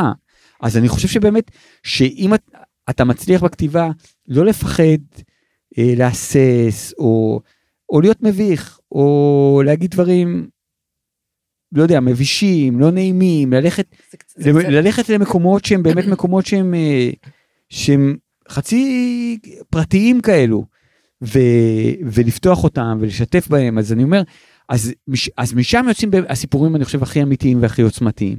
אני חושב שבאמת, זאת אומרת, זה, זה, אני אגיד באמת שפעם אה, הייתי במסיבת עיתונאים בשנגחאי, זה נכון זה נשמע כזה. אז הייתי במסיבת עיתונאים בשנגחאי, שאלו אותי כל מיני שאלות כאלה וזה, זה, זה, זה, ואז אה, אה, עמד אה, איזה עיתונאי סיני, וזה, אני, אני, יש לנו אומר את זה בסין, כי זה באמת, את זה בסינית, אנשים באולם, וכשהם עומדים הם צועקים, ואז כשהם צועקים אז גם מתרגמים את זה לאנגלית, ואז אתה צועק בחזרה, ואז מתרגמים את זה, ממש כזה, זה אירוע כזה פומבי. ואז אה, אז אחד העיתונאים הסיני אמר, אני אה, קראתי קובץ האחרון, ויש שם סיפ- סיפור אחד שהוא נשאר איתי והוא נורא נורא חזק, ואני רוצה שתדבר איתנו עליו, ו, ותגיד לי למה כתבת אותו. אומר לו, אוקיי, זה סיפור, הוא אומר, אה, זה סיפור שקוראים לו תחור. עכשיו הסיפור הזה הוא סיפור על מנכ"ל חברת הייטק שמתחיל לגדול לו תחור, והוא כל הזמן יושב על התחור, ובגלל שהתחור כואב לו אז הוא נהיה בן אדם נורא נורא מגעיל, והוא מפטר אנשים, והוא זה וזה וזה, והתחור גדל וגדל וגדל וגדל, ואז בסוף התחור נהיה כל כך גדול שהתחור יושב על המנכ"ל, והתחור, יש לו שם של מיינה כי הוא תחור, כן? אבל לפעמים כשהוא יושב על המנכ"ל הוא מרגיש את המנכ"ל מנכ"ל מתחתיו ככה בטוסיק ואומר טוב די נו לא מפטר אותך כי יש לו בכל אופן בן אדם בטוסיק וזה. אני כתב את הסיפור הזה. אז הוא בא ואומר מה גרם לך לכתוב את הסיפור הזה.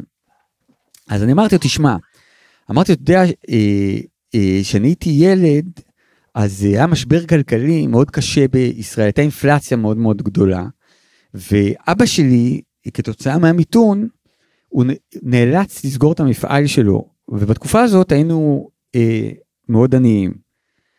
אז הוא אמר לי, אוקיי, נו, ואיך זה קשור? אז אמרתי לו, תגיד לי, יא טמבל, יש לי תחורים, אז אני כותב על תחורים, למה שאני אכתוב על תחורים אם אין לי תחורים?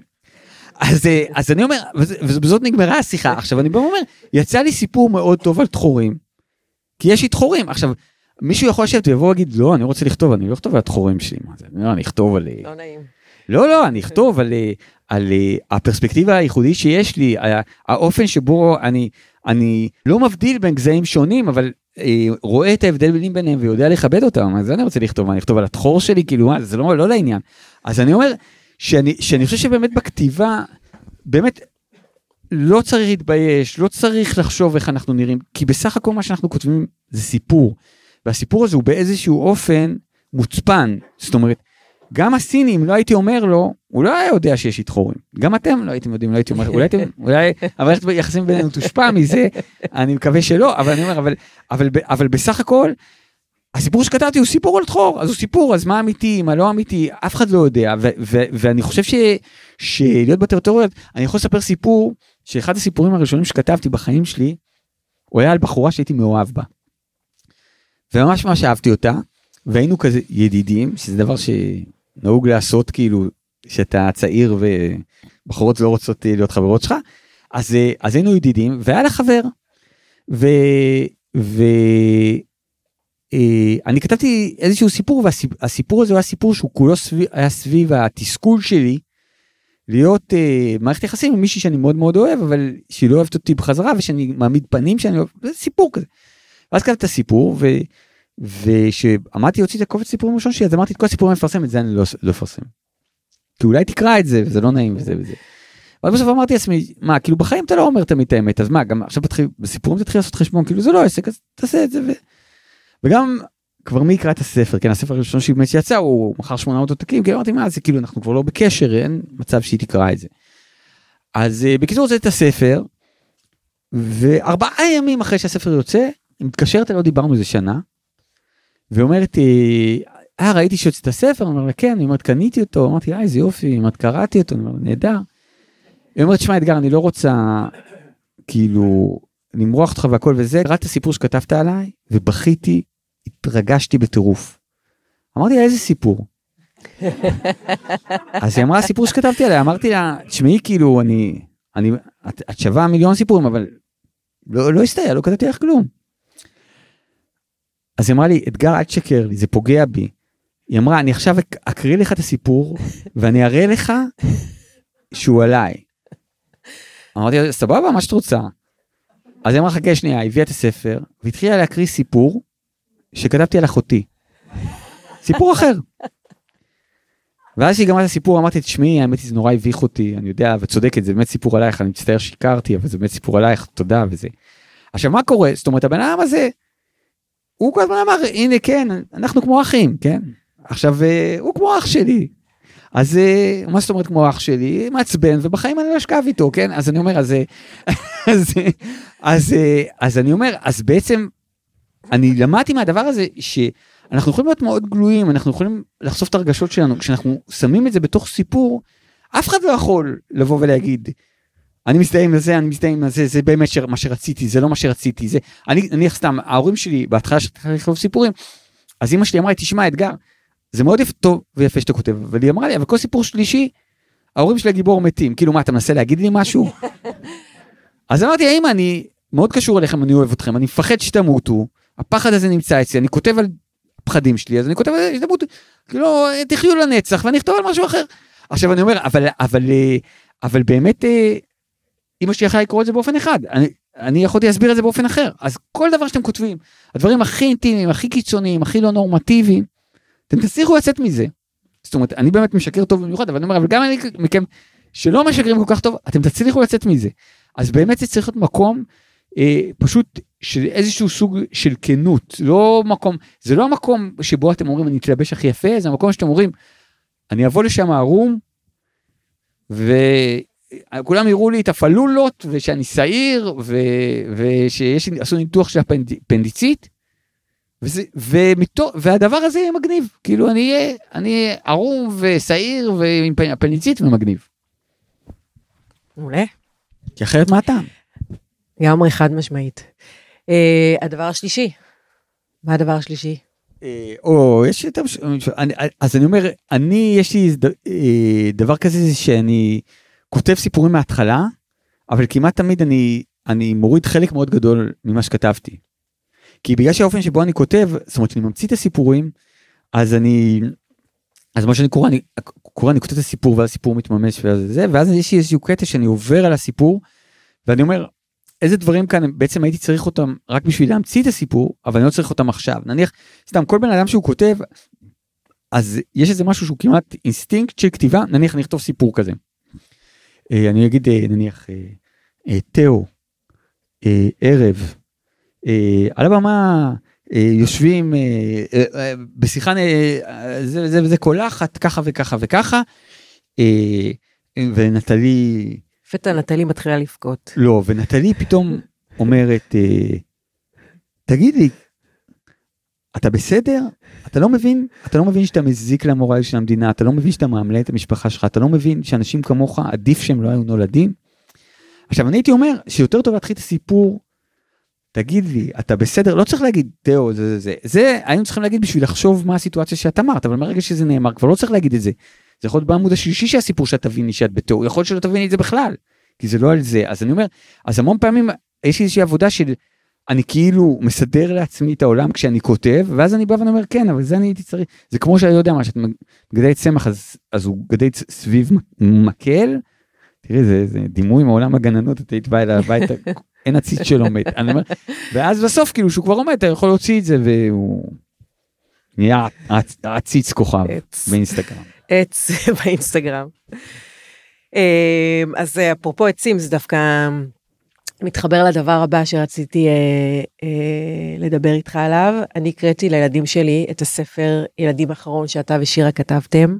כן. שנקרא העץ שאף ילד לא דמיין, שזה ספר מקסים, והתגובות היו היסטריות. אתה רוצה לספר קצת על הספר הזה? אה, כן, אה, הספר הוא, הוא פשוט, הוא, הוא ספר ילדים שהוא אה, מספר על ילד שקיבל משימה בבית ספר להמציא עץ מהדמיון וכאילו יש איזה מין אה, אה, נגר כזה שאמור לעזור להם לבנות העצים ובעצם כל הילדים הם ישר יודעים מה הם רוצים הם רוצים עץ של ארטיקים לא יודע יש שם את עץ הבלי שהוא מצמיח את כל מה שבא לי יש עץ של פלוצים גם יש עץ של פלוצים ויש אז, אז יש כל מיני עצים והילד הזה הוא פשוט לא מצליח לדמיין שום עץ. ואז הילד אה, מגיע והוא בכל אופן רוצה לעשות את המשימה אבל הוא לא מצליח לדמיין שום עץ, אז זורקים אותו, והוא, מצ... והוא בא עם איזושהי חתיכת עץ, הוא אומר אולי מהבול עץ הזה אפשר לעשות איזשהו עץ, וזורקים אותו, אומרים לא דמיינת כלום, והבול עץ הזה הוא סתם עקום, אין לך מה לעשות איתו. ואז הוא חוזר עם הבול עץ, ו... וכשהוא חוזר הביתה, בדרך הבול עץ הזה צומח והופך להיות עץ ענקי, והוא שותל אותו בחצר ליד כל העצים האחרים, ומהר מאוד כל העצי הפטנטים האלה קמלים, אבל העץ הזה איכשהו נשאר, וקוראים לזה העץ שאף ילד לא דמיין, כי הוא לא דמיין את העץ הזה, הוא לא שלט בעץ הזה, הוא לא קבע מה העץ הזה יהיה. העץ הזה פשוט נהיה. עכשיו, אני חושב שהמקום הזה של לתת דברים פשוט להיות, זה, זה מקום שהוא אה, הולך ומצטמצם אצלנו. זאת אומרת, אני, אני חושב שאנחנו מעט מאוד שואלים את עצמנו, נכנסים לתוכנו ושואלים את עצמנו, מה אנחנו מרגישים? מה אנחנו רוצים? אנחנו יותר מסתובבים בעולם ואנחנו מחפשים את ההוראות, כאילו אומרים, הקולנוען הזה, זה, הוא מבוטל? אה, הוא חרא? אה, הוא משעמם? לא אוהבים. אוקיי. גם הוא אמר לי ככה, אז אני ככה. אבל, אבל מה שאני חושב ש, שבאמת יש בזה איזשהו מין משהו ש, שכאילו היום אנחנו ב, בכל מיני סוגים של קאסטות או שבטים והם מכתיבים לנו כל מיני דברים. זאת אומרת הם אה, נניח בוא נגיד אני אומר אם אני מאיזשהי מחנה בוא נגיד אני לא יודע מה ממחנה המחאה או תומך הממשלה כן ואני הולך למסעדה ואני רואה את אה, אופיר אוקוניס או את חילי טרופר. אוכלים מרק בצל או מרק תירס, כן? לא משנה מה הדעה. אז אני באמת, זאת אומרת, אז אם אני באמת באמת מאמין בדעותיי, אני אצעק עליהם ואצלם את זה בפלאפון, נכון?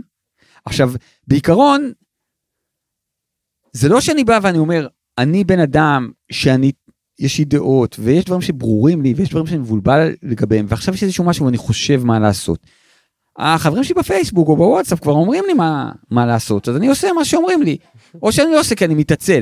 עכשיו אני בא ואומר יש איזשהו משהו בשיח, אני אגיד, אני אגיד משהו לשוני, כן? ואני, ואני מצטער באמת, זה, זה שוב, את יודעת, אני, אה, אני, ב, ב, ב, כל מה, ש, כל מה ש, ש, שקורה כאן אה, אה, הוא, הוא טראומטי וקשה, ו, ואת יודעת, והמאבק להחזרת החטופים והרצון להחזיר אותם זה משהו שאני מאוד מאוד שותף לו. וגם אני אומר באופן אישי אני לא רוצה להתחיל לחשוף את זה אבל מה שקוראים אני אני רוצה לא בתור רעיון אני רוצה בפועל שאנשים יחזרו. עכשיו נניח יש לפעמים כאלה כל מיני קבוצות כאלה שמודיעים אה, שיש הפגנה או כל מיני דברים. אז נניח עשתה איזה הפגנה והפגנה כתוב שם. קר לכם? משהו לחטופים יותר קר. נפגשים בזה וזה. ואז פתאום באתי ואמרתי מה הם יוצאים עליי. מה יוצאים עליי? כאילו אני, אני בא כי אני רוצה לעזור. מה אתם כאילו מה אתם רוצים שאני ארגיש אשם? מה אתם כאילו לחטופים יותר בסדר חטופים יותר קר אז בסדר אני אומר מה אתם רוצים ממני? כאילו אתם רוצים שאני אבוא? תבקשו יפה. תבקשו יפה תגידו תשמעו יש מטרה חשובה. ת, תסתכל לתוך הלב שלך מה אתם כאילו אומרים לי יא מניאק אה, למה אתה הולך עם דובון לא, כאילו מה אתה כאילו אז, אז, אז, אז, אז, אז אני אומר שהסוג שיח הזה הוא באמת סוג של שיח שהוא בעצם הוא מאלף את כולנו. אומרים יאללה יאללה נעיז אתכם למטרה נעלה. עכשיו אני בא ואומר אני רוצה מטרה נעלה אני לא רוצה שיעיזו אותי. ואני רוצה לבד למצוא את הנעלות של המטרה. את יודעת אשתי היא תמיד צוחקת עליי כי יש אצלי משהו בהפגנות שקודם כל בהפגנות אני לא אני אה, לא מוכן להחזיק שלטים שאני לא ניסחתי אותם. אני צריך לכתוב את השלט. וששרים שירים כאילו שולחים בתהלוכות אז אני משנה את המילים והיא אומרת לי תפסיק אז אני אומר לה אבל אני צריך שזה מילים שלי אני צריך לשיר את זה זאת אומרת אה, אז אה, אז אני נורא חושב שהפן הזה הפן הזה של לבוא ולהגיד לא לעשות את הדבר הנכון זאת אומרת אלא לשאול את עצמי מה אני רוצה לעשות ואז לשאול את עצמי מה שאני רוצה זה נכון זה משהו שהוא נורא נורא חשוב עכשיו אני חייב להגיד שזה התחלתי התחלנו את השיחה הזאת שדיברנו על ההורים שלי אז אמא שלי אמרה לי שפעם איזה משהו שלקח לי הרבה שנים להבין אותו אני אפילו לא זוכר את הקונטקסט אבל היא אמרה לי את זה שבאמת שהייתי ילד. אז היא אמרה לי היא אמרה לי שאת, שהתקופה טובה תישען על מה שאתה רוצה תישען על אוטו תישען על גדר תישען על עץ. שהתקופה לא טובה תישען רק על עצמך עכשיו. היא בעצם מבחינתה זאת אומרת מה שהיא ניסתה להגיד לי אני גדלתי בתקופה שהיו נאצים והיו כל מיני חוקים והם אמרו כל מיני כללים ואמרו זה בסדר וזה לא בסדר. ומי שעשה מה שהם אמרו מת עכשיו אם הוא היה יהודי ומי שעשה מה שהם אמרו כשהיה גרמני אז זה נהיה רוצח. אז היא אומרת, כאילו, אנשים, יש כל מיני מערכות, אנשים עושים כל מיני דברים, תמציא את הכללים שלך. עכשיו, אימא שלי, בגלל שהיא התייתמה בגיל צעיר, היא באמת הייתה עושה חוקים שלה. אני גדלתי בבית, שאצלנו היה כלל בבית, שאם יורד גשם לא הולכים לבית ספר. כי אימא שלי אמרה, זה נורא נורא טוב שאתם ילדים ומקשיבים למורים ש... שאני בעבודה, אבל עם כל הכבוד, זאת אומרת, השטויות שמלמדים אתכם לא שווה להירטב עבורם. אז תישארו בבית, שיהיה יום יפה תלכו, כאילו. עכשיו אני אומר, זה מה שאימא שלי החליטה, אז ככה אנחנו גדלנו. ואני אומר, וזה באמת, ו... ואני אומר, שלושתנו אצלנו בסדר, כן? עכשיו, אני לא אומר, אני לא אומר ש... צר... שאנחנו צריכים להתקיים גם באיזשהו סוג של אנרכיה, אבל אני גם, אבל אני אומר שהצייתנות שלנו והאופן וה... שבו אנחנו פועלים לפי איזושהי שיטה מסוימת, זה משהו ש... שהוא באמת מזכיר לי את האינקוויזיציה נניח. נניח, אני, אני אומר, אני אגיד משהו נניח לגבי, לגבי הרעיון הזה. פעם, פעם, לפני הרבה שנים, עוד לפני שהיה פייסבוק וזה, אז נניח הייתי נחשף לכל מיני אומנים, זמרים, נניח. בוא ניקח זמרים, זה קל. אז אני אומר, אה, כל מיני זמרים, ואז אז, היו זמרים שאני הייתי אוהב את השירים שלהם, נראה בן אדם חרא, אני רואה אותו כאילו על הבמה, זה, זה, לא, לא מציג את הנגנים, איש מגעיל. ואז היה קצת מוריד לי, אבל השיר עדיין יפה, ואם הוא ממש היה נראה לי באמת בן אדם מגעיל, אולי אפילו לא הייתי שומע שירים שלו בכלל. אבל אף אחד לא היה מעז לבוא ולהגיד לי, איך אתה מעז להקשיב לשיר של מש, מישהו שעשה משהו. אף אחד לא היה מעז. זאת אומרת, זה היה ברור שזאת החלטה שלי. כאילו, פעם, כי פעם, אני אומר, החיכוך שלנו עם העולם הוא היה כל כך גדול, שלא היינו יכולים לעשות את המהלך הזה של לבוא ולהגיד, תחשבי, מה זה תרבות ביטול? ביטול באנגלית זה קאנסל, מה עושים קאנסל? לתוכנית שמריצים אותה במחשב עושים לה קאנסל. לבן אדם לא עושים קאנסל. מי המציא את, המ... למי שימושי המושג קאנסל? למחשב זה טוב. אם אתה מחשב, אתה מקנסל. אם אתה בן אדם, נניח, את ואני, כן? יסלח לי בעלך, כן? עברנו לגור במושב. יש לנו שכן, כן? עכשיו, השכן הזה, איזה בדיחות קרש, מדבר גם בקול רם. האמת היא שזה מספיק קרוב, באמת, לפעמים הוא מעיר את הילד בבוקר, ואנחנו אומרים לו, צחי, כאילו, צחי, תדבר בשקט, אשתך שומעת אותך, היא לא חורשת. עכשיו, וגם, אני אומר, והוא בן אדם באמת, וטעם נורא, ושיחות משעממות וזה, אבל מה? הוא נשמה. הוא נשמה. באמת, כל פעם שמתקלקל לי האוטו, הוא בא, מתקן, צריך מישהו שישים עין על הילדים, אחלה בן אדם. כן? עכשיו, אם מישהו יבוא ויגיד לי, איך אתה מדבר עם הבן אדם הזה שמספר בדיחות קרש מיזוגניות? אני אגיד, כן, תשמע, האמת הוא באמת, הוא באמת, הוא לא הכי חכם, אבל תשמע, יש לו לב זהב. הוא עזר לנו שהארנב היה חולה, הוא העניק את הארנב שבוע שהיינו ברודוס. כן, אני אומר, זה הוא... כן, אז אני אומר, אז היינו מסוגלים שתהיה לנו איזושהי תפיסה מורכבת של העולם. עכשיו, היום אנחנו מסתכלים על בן אדם, אנחנו אומרים, הוא פשיסט, הוא שמאלני, הוא אוהב ערבים, הוא שונא ערבים, הוא מטריד מינית, הוא לא מטריד מינית, זה... הוא... כן, עכשיו בעיקרון, כל הרעיון הזה, זה אומר, אם אתה שם בחוץ, מצאתי משהו עליך, יאללה, עוף לי מהעיניים. עכשיו, אני, עכשיו, השיטה הזאת היא באמת שיטה שהופכת את, את האנשים, במקום, אני בן אדם שאוהב לריב עם בני אדם. אני באמת, אני אומר, יש לי, יש לי אף שבור, יש לי כאן צדקת, לא, לא רואים בפודקאסט. יש לי איזה, אני איש קטן ורזה, עם וואחד ג'ורה שכל החיים שלו מצא את עצמו בכל מקומות, ואני בעד זה, אני לא, אני לא אבוא להגיד לך אני פציפיסט, אני נגד אלימות וזה. אבל אני בא ואני אומר, יש הבדל בין לריב עם מישהו שמרגיז אותך, לבין לבוא לסקילה בכיכר העיר. כשמישהו בא ואומר, תרים אבן, זרוק לו בראש, ואז אתה אומר, וואלה, בול, פגעתי לו בראש, מה הוא עשה? זה לא בסדר, זה לא צריך להיות ככה. וזה אני אומר, משהו ששוב, מסדר שני ושלישי, הוא, הוא רק טכנולוגיה. אני רוצה לאפשר, אה, לפני ש... קודם כל אני רוצה לבקש ממך שתקריא לנו סיפור לפני סיום. אה, ולפני כן להשאיר אה, מקום לשאלות מהקהל. כן? רוצה לקחת את המיקרופון? אהלן. אני הדס. היי. היי. אה, אמרת שבעצם פעם היה לנו יותר חיכוך עם אנשים, ועכשיו יש לנו פחות, אבל בעצם אני מרגישה שיש הרבה יותר חיכוך, כי על כל שטות שמישהו כותב, אני רואה אחר כך 7,000 תגובות של 7,000 איש עם 7,000 דעות, והם מתחילים לריב אחד עם השני, אז אני דווקא מרגישה שיש הרבה יותר חיכוך, אבל כמו שאתה אומר, חיכוך כזה של ביטול. אז, אה, אז, אז, אז קודם כל, אני חושב שיש הרבה יותר חיכוך בפייסבוק, אבל זה לא בחיים. החיים, אני אומר, הגיע הזמן, הגיע הזמן שנבין את זה, כי באמת אני, אני הרבה פעמים מד, אה, אה, מדבר עם אנשים שהם אומרים לי אני אקטיביסט. אז אני אומר למה אתה אקטיביסט? אני החלפתי את התמונה שלי בפייסבוק לדגל ישראל, ללך, לתמונה של גנץ שמטביעים אותו בביצה, כן? אני, אז אני אקטיביסט, אז אני אומר, למה אתה אקטיביסט? כאילו יש לך דף בפייסבוק ובמקום לראות את הפרצוף המכוער שלך אני רואה פרצוף מכוער של מישהו אחר כאילו מה אתה עושה? עכשיו עכשיו אני אגב אם מדברים על הבלבול האנושי אנחנו הגענו ל, ל, למצב כזה שאקטיביזם הוא נהיה כבר משהו כל כך מסתורי ועמום שמישהו עושה פעולה אני כבר לא מבין בכלל מה המטרה שלו? באמת אני אומר זאת אומרת שאני רואה מישהו שופך מרק על ציור של ואן גוך אני אומר אה הוא נגד ההתחממות הגלובלית בטח למה? אחרת למה שישהו יפוך מרק ולמה על ואן גוך נכון? אם הוא היה שופך אה, פירה נכון על, אה, על דלי אז הייתי יודע שהוא אה, יותר אה, הוא בקטע ש, שייתנו טרנסג'נדרים זכויות. עכשיו מה הקשר. מה הקשר כאילו מה הקטע? למה שלא תקשרו את עצמכם לעצים שזה ייראה קשור כן? אז אני אומר אז, אז, אז, אז הדבר הזה הוא באמת הוא מין דבר שהוא. הוא כביכול לוקח רגשות מאוד מאוד מורכבים שלנו והופך אותם לאיזשהו סוג של קודים אני סתם אני אומר אני מסתכל עליך אנשים בפודקאסט לא רואים אבל אני מסתכל עליך נניח יש לך את הדיסקית של החטופים נכון יש לך של החטופים או של רמי לוי. אוקיי לא בסדר כי מרחוק אי אפשר להבדיל אבל אבל בעיקרון עכשיו עכשיו בעיקרון נניח גם לי אכפת מהחטופים אבל לא הצליחו לשכנע אותי שאם אני קונה דיסקית זה מראה שאכפת לי מהחטופים.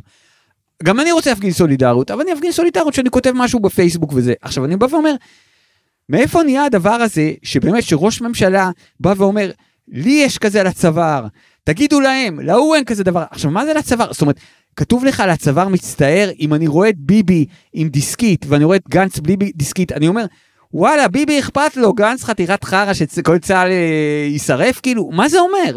אז אני אומר, למה אנחנו נהיינו כאלה כמו ילדים בגן ששמים לנו מדבקה שאנחנו, שאנחנו כאילו מתנהגים טוב, הבן שלי היה חוזר עם מדבקות כאלה שהוא מתנהג טוב, אני הייתי בא והייתי אומר, תגיד לגננת, שאם אתה מתנהג טוב, שתביא לך משהו טעים, ושאת המדבקה שתשאיר אצלה. זה לא עוזר לך, כאילו, זה שאתה חוזר עם מדבקה זה לא עושה לי כלום, שתביא לך באפלה וזהו. כן. אה, האם אתה רואה בדורות שגדלו כבר טכנולוגיה, השפעה כלשהו, סופרים שגדלו בעולם הטכנולוגיה, השפעה כלשהו על הכתיבה שלהם? ציין כנראה. אה, תהיי מקצועית, תחזרי לשאלה, כי לא ישמעו את זה בחיים. אה, אז אני צריך שתחזור שוב על השאלה.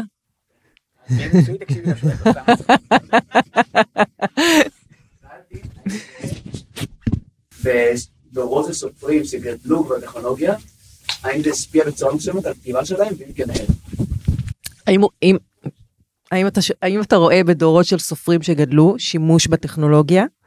אה, ואיך? נכון? אמרתי את השאלה נכון? השפעה של הטכנולוגיה. השפעה של הטכנולוגיה, סליחה. אה, אז, אז מה שאני רוצה להגיד, שקודם כל, אני רוצה להגיד משהו באמת דורי, זאת אומרת שהוא לא לגבי סופרים ולגבי יצירה. אני רוצה להגיד שיצירה בכלל, אומנות היא עוברת, היא עוברת, עוברת איזושהי טרנספורמציה שמערכת היחסים בין אומן, בין סופר לקורא, מאוד מאוד מאוד השתנתה. והשינוי הזה הוא שינוי שהוא, שהוא מאוד משפיע על היצירה. ואני אגיד, זאת אומרת ש, שברמת היצירה, היום, נניח סתם, אני אדבר על טלוויזיה ועל קולנוע, וזה נכון אותו דבר. זאת אומרת, נניח אם אתה עושה סדרת טלוויזיה או קולנוע, אנשים באים ואומרים, מה זה אומר ואיזה מין בן אדם אתה. כן? אז נניח אם אתה עושה סדרה והגיבורה שלה היא פרופסורית קוריאנית, אתה בן אדם נאור, נכון? נכון? זה לא איזה גבר לבן הטרוסקסואל, זה קוריאנית ואישה, כן? עכשיו בעיקרון, אנשים שיוצרים היום, הם הרבה פעמים חושבים ככה. זאת אומרת, הם באים ואומרים, איזה בעיה חשובה אני אתקוף, מי יהיו הגיבורים שלי, מה היצירה שלי תאמר. עכשיו, אני אמרתי לכם, זאת אומרת, בשבילי כתיבה, זה ללכת לאיבוד, זה להיכנס לחדר, זה לדפוק את הראש שלי בקיר, זה לכתוב סיפור על אבא גרוע שמרביץ על הילד שלו ולנסות לחפש שם חמלה. זה, אני יודע, זאת אומרת, זה, זה, זה, זה כל מיני דברים כאלה. והיום יש משהו שהוא הרבה יותר מתועל. אני דיברתי עם, אה, עם במאי תיאטרון צעירה, והבמאי תיאטרון, היא אמרה לי משהו באמת שהשפיע מאוד מאוד חזק. היא אמרה לי, אתה יודע, כי היא רצתה שנשתף פעולה, אבל היא אמרה, אין לי כוח, אתה יודע, שתעשה מחזה כזה, שיש איזה איש כזה שקוראים לו ככה, והוא גר עם מישהו שקוראים לו ככה, ויש לו בעיה שאתה המצאת, ואז יהיה איזה... אז אמרתי, אז מה את רוצה? אז היא אומרת, אני רוצה שיהיה משהו שהוא בעולם, שהוא יגרום לאנשים לפעול, אני רוצה ש- לעשות הצגה שאנשים יצאו החוצה, ואו שהם יביאו למישהו סטירה, או שהם יפסיקו לתרום למשהו, או שהם... היא אומרת, כי אחרת מה הטעם? מה, סתם מבלבל את המוח? עכשיו, אני אומר, עכשיו, בעיקרון, אנחנו חיים בעידן שבעיקרון האומנות היא נתפסת כמשהו שהוא נחות לחיים, ושהוא משהו שהוא ש... צריך לשרת את החיים. עכשיו באמת אם אני אנסה לתת איזה דוגמה זה באמת אני אה, הדוגמה ההיסטורית שלי זה שאני הייתי ילד אז הייתה תקופה שבגלל שהתרסקו היו, היו תאונות של מטוסים אסור היה להראות סרטים על, על טיסות שבהם מטוסים מתרסקים כן עכשיו אני כבר בתור ילד אמרתי אולי עדיף שישקיעו את הזמן הזה בלבדוק את המנוע כי לי לא אכפת לראות מטוס מת, מתרסק בסרט כי זה לא באמת אבל אני הייתי שמח אם היינו מגיעים לצד השני בחתיכה אחת. עכשיו אני אומר המנגנון הזה הוא ממשיך לפעול כי בן אדם שהוא בא ואומר אני לא אשים סרט שמטוס בו מתפוצץ הוא בא ואומר הסרט הזה יש לו פונקציה. שאנשים לא ישתעממו שעתיים מעבר לזה תביא לי סרט חרא שמטוס לא מתפוצץ אני אקח תביא לי סרט טוב שמטוס מתפוצץ לא מעניין אותי. אז אני אומר שהמון יוצרים היום הם גדלים לתוך האינדוקטרינציה הזאת זאת אומרת הם לא באים והם אומרים בוא נבין למה אני גנוב, הם באים ואומרים, מה העולם הזה צריך? למה אני צריך להרים כדי שיהיה טוב יותר? עכשיו אני אומר, אני לא חושב, אני לא חושב אגב שהסוג הזה של הכתיבה וזה הוא בהכרח מייצר משהו שהוא טוב יותר. ואני גם לא חושב שכל היוצרים עובדים ככה, אני חושב שיוצרים צעירים שלא עובדים ככה, נניח אם אני הייתי היום מתחיל לכתוב את הדברים שאני כתבתי בשנות התשעים, היה לי מאוד מאוד מאוד קשה לפרסם את הספרים שלי, היה בלתי אפשרי בשביל לחדור לטלוויזיה ולקולנוע. כי פשוט בעצם ה, ה, החסם או ה, מה שמחפשים זה משהו שהוא מאוד השתנה. ואם אני אגיד לך משהו אחר דורי, זאת אומרת, וזה באמת אני יכול להגיד בעיקר על הבן שלי, שהוא בן 18, ואני מסתכל עליו, עכשיו יש משהו מדהים שאני מסתכל על הבן שלי, ואין דבר שהוא יותר אתה מהילד שלך. זאת אומרת, באמת, הוא, הוא, הוא גם גנטית, הוא גם גדל איתי, הוא בן יחיד, אנחנו קרובים, הוא בן, הוא בן 18, אני כאילו, אני חי, התקופה הזאת עכשיו שהוא כבר לא הולך לבית ספר כל יום, היא קשה לי, כי מהגן ועד גיל 18 אני ליוויתי, ליוויתי אותו כל יום לבית ספר. כל יום, באמת. זאת אומרת, לא, היו, אם הייתי חולה אז לא, אבל אני אומר, אבל באופן רציף. אז אני אומר, עכשיו, אז הבן אדם הזה שהוא הכי קרוב אליי, באמת הכי קרוב אליי, אני מסתכל עליו ואני באמת רואה מבחינה קונספטואלית, שהוא מסתכל על כל מיני דברים באופן שונה, ומבחינתו, המון המון דברים שאנחנו מדברים עליהם, בוא נגיד על אתוסים, אה, מנהגים, אה, כל המילים הגדולות האלה, לא יודע מה, נדיבות, מוסר וזה, הוא, הוא בן אדם טוב, אבל כל המושגים האלה זה נראה לו חרטא. הוא לא מבין את זה, הוא לא מבין את זה. נניח, הוא, הוא דיבר איתי על הקטע זאת אומרת, סתם, אתה מסעדה ואתה משאיר טיפ. הוא אמר לי, מה זה הדבר הזה? מה זה? הוא אמר, אתה תמיד משאיר טיפ, גם כשנותנים לך שירות גרוע אתה משאיר טיפ. אז הוא אומר לו, כן, אבל זה פרנסה של האנשים. אז הוא אמר, זו שיטה לא טובה. הוא אומר, מה זה המערכת הזאת? למה בן אדם שמשרת אותך צריך להיות בלחץ אם תשאיר לו טיפ או לא? מה הקטע כאילו? זה דפוק. עכשיו, עכשיו, עכשיו, אני, עכשיו אני בא ואני אומר, אני כל החיים שלי נורא אוהב ללכת למסעדות, אני תמיד, אני משאיר טיפים גדולים, אה, מיצרים בצריות מחייכות אליי, הם נורא אוהבים שאני בא, לא מעניין אותי זה שזה, אבל הוא בא ואומר כאילו, בוא נוריד את העניין הזה, בוא נוריד את הנחמד, בוא נוריד את החביב, בוא נוריד את האדיב, בוא נוריד את החברה. ובתכלס בוא נראה מה קורה כאן, אני לא אעשה לך רע, כי אני לא רוצה לעשות לך רע, אני אעזור לך כי יש לי זמן ואתה נראה לי בן אדם נחמד, אבל מה, אל, ת, אל תיפול עליי עם כל האתוסים האלה. עכשיו אני באמת מרגיש ש, שבאמת, זאת אומרת, אני אומר, אומר לבן שלי הרבה פעמים, אני בא ואומר לו, תשמע, אתה הרבה יותר מפותח אבולוציונית ממני, אתה ג'וק, אני דינוזאור. עכשיו אני אומר לו, אני מקווה שכג'וק תח, תחיה באקו סיסטם שתאפשר גם לדינוזאורים לחיות, כי גם אם אתה לא, גם אם אתה לא אה, מבין את הדברים האלה, זאת אומרת, זה, העושר הזה, המשונות הזאת, יש בה משהו יפה ומקסים, אתה יודע, אני בתור סופר, אני אה, המון מוצא את עצמי בבתי מלון, כי סופר הוא כזה כמו סוכן נוסע, אתה כאילו נוסע, אתה מרצה פה, אתה מרצה שם. עכשיו, אני נורא אוהב שאני מגיע למדינות שהן לא, לא עולם ראשון, עולם כזה חצי, ראשון וחצי, ותמיד שמים אותך במלונות ישנים, ויש משהו במלונות האלה שהוא נורא נורא לא פרקטי. החללים נורא גדולים, יש לך כל מיני דברים כאילו, משהו שאתה יכול לשים שמגייס לך את המכנסיים, נכון? יש, אתם מכירים את החדרים האלה שיש בהם כל מיני דברים משונים. שטיחים מקיר לקיר. שטיחים מקיר לקיר, אבל גם אני אומר, וגם איזשהו סוג של חלל, ופתאום יש לך איזה פינת הסבה עם איזשהו שולחן קטן עם סמובר, אבל אין, אין לך, אתה כאילו, עכשיו, אני מאוד אוהב את זה, כי אני אומר, כי יש בזה איזשהו משהו שאתה חש בזה אנושיות, אתה בא ואתה אומר, הייתה כאן איזושהי תודעה, לא הכי מחודדת בעולם, כן, אבל תודעה, היה איזה בן אדם, הוא גדל באיזה בית, אבא שלו הרביץ לו עם סרגל, הוא, הוא אהב לאכול אה, גבינת פטה, וזה מה שיצא לו.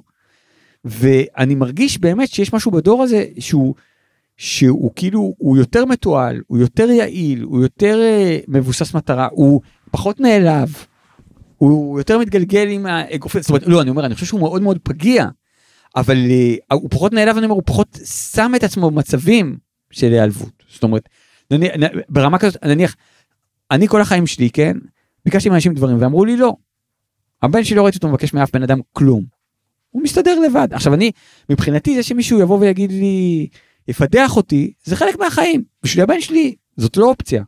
אז אני אומר, אז באמת, יש משהו בדבר הזה ש, שיש המון המון דברים נפלאים והמון המון דברים יפים, והוא מלמד אותי, אגב, הוא, הוא לימד אותי על AI, ו, ו, והוא הראה לי, הוא פתח לי את הראש, זאת אומרת, ויש, לא יודע מה, הוא, הוא אנחנו התחלנו לראות ריק ומורטי זה סדרה שלא ראיתי וזה מאוד פתח לי את הראש זאת אומרת מבחינת איזושהי הסתכלות על, העול, על העולם ועל יצירה אני אומר זה לא זה לא אני לא בא להגיד משהו שלילי אבל אני אומר אבל כאילו אני מרגיש שהדור הזה הוא פחות אה, אה, מבולבל אה, משונה מפתח אה, משונויות של עצמו כזה זאת אומרת וגם וגם מנהל איתם איזשהו סוג של דיאלוג. כאילו הם איזשהו מין משהו לגיטימי, אני, אני מרגיש כאילו שכל הדבר הזה הוא איכשהו אה, פחות קיים, זאת אומרת אני, אני מרגיש שיש איזשהו משהו שהוא הרבה יותר אה, בוא נגיד מעשי, זאת אומרת, או אם, אם תרצה, זאת אומרת אני יכול להגיד שהבן שלי הוא הרבה יותר בוגר ממני בהרבה דברים, זאת אומרת הוא באמת אה, נניח, נניח, הבן שלי אף פעם לא יריב עם נהג מונית. הוא יבוא ויגיד, הוא, הוא יגיד, אני כל הזמן רב עם נהגי מוניות, סליחה, אבל אני אומר, אבל הוא, הוא יבוא ויגיד לי, תשמע, כאילו עוד חמש דקות אתה יורד מהמונית. זה כאילו זה שאתה צועק את החמש דקות האלה זה לא משנה לאף אחד. אתה לא משכנע את הבן אדם הזה שזה לא בסדר להגיד אה, להגיד כוסית כוסית הייתי מזיין את האמא ואת הבת שלה. אתה לא תשכנע אותו הוא יישאר ככה. אז תרד עוד חמש דקות ותשכח אותו ואל תיכנס אליו יותר. יש לך בעיה של אגו מה אתה מנסה לשנות אנשים כן?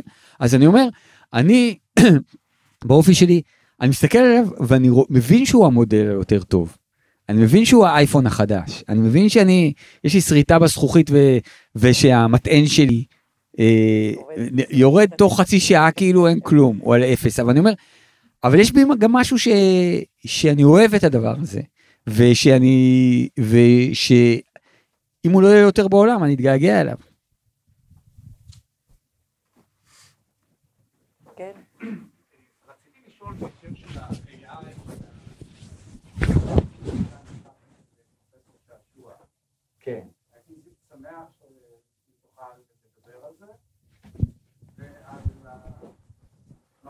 שלך בקשר לתוחלת חיים של אמן בעידן של AI. אם אנחנו מתייחסים לסרט של אבי נשר, גן הפוחים, על תודעה או תשומת לב של אמן, למעשה ב-AI יכול להבטיח לנו סוג של חיי נצח. אפשר ללחוץ על כפתור ולקבל סיפור עגנוני או צ'כובי או כל דבר אחר בכל נקודת זמן. יהיה לי קשה לחזור על השאלה שלו. אני אעשה פטנט ואני כאילו אעשה כאילו שאמרתי את זה מעצמי ו... יאללה. אז אה, אה, כן, אה, תראה איזה בן אדם אני כאילו, אני לוקח לי 80, לוקח לי 80 דקות לשתות כוס מים, תביני כאילו כמה רחוק אני יכול להגיע. אבל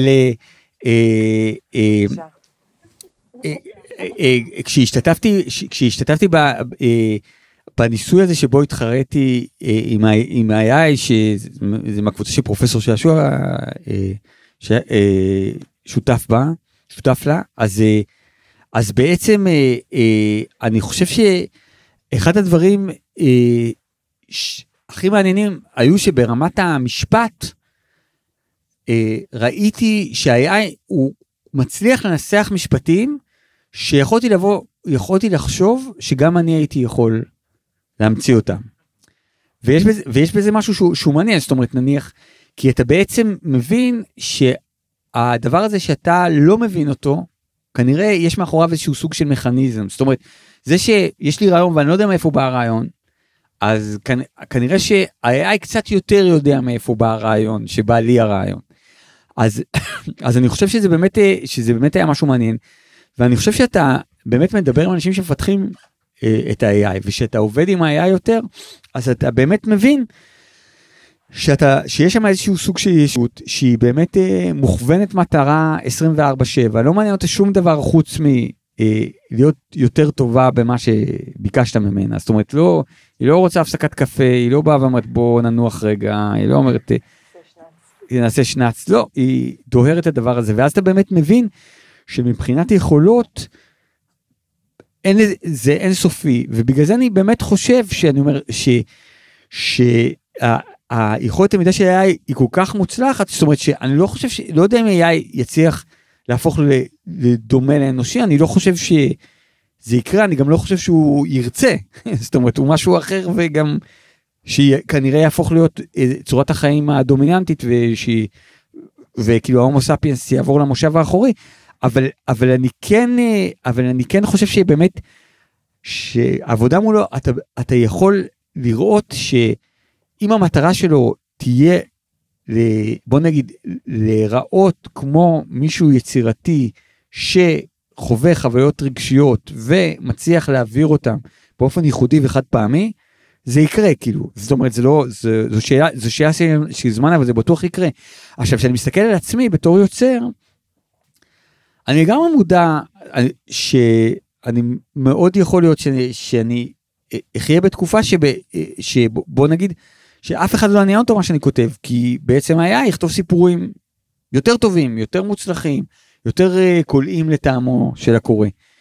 אבל האמת היא ש, שכמו שתמיד אני אומר לנהגי מוניות, שבנסיעות שאני לא רב איתם, שהם אומרים לי, אחי, יום, יום יבוא יחליף אותי AI, ו, ואז אני אשב בבית, מה אני אעשה? אז אני בא ואומר להם, אחי, אתה יודע, אתה לא תנהג במונית, אבל אתה תמיד תוכל לנהוג איפשהו, אם אתה אוהב לנהוג, תיקח אוטו ותיסע איפשהו. ואותו דבר אני אומר לעצמי, אני תמיד, אני אוהב לכתוב. עכשיו, יכול להיות שהיום אני במצב שאני כותב, אני יכול להוציא את ספריי, ויכול להיות שאני אהיה במצב שאני אכתוב ואני אשלח את זה לשלושה אנשים באימייל. אבל, אה, אבל הכתיבה, אני עושה את זה בשבילי, אני לא עושה את זה כשירות לציבור. עוד שאלות? טוב, אז אנחנו נעבור לסיפור. אה, כן, כן, אנחנו בסדר עם הזמנים וזה לא מייבשים אף אחד? בסדר גמור. אוקיי.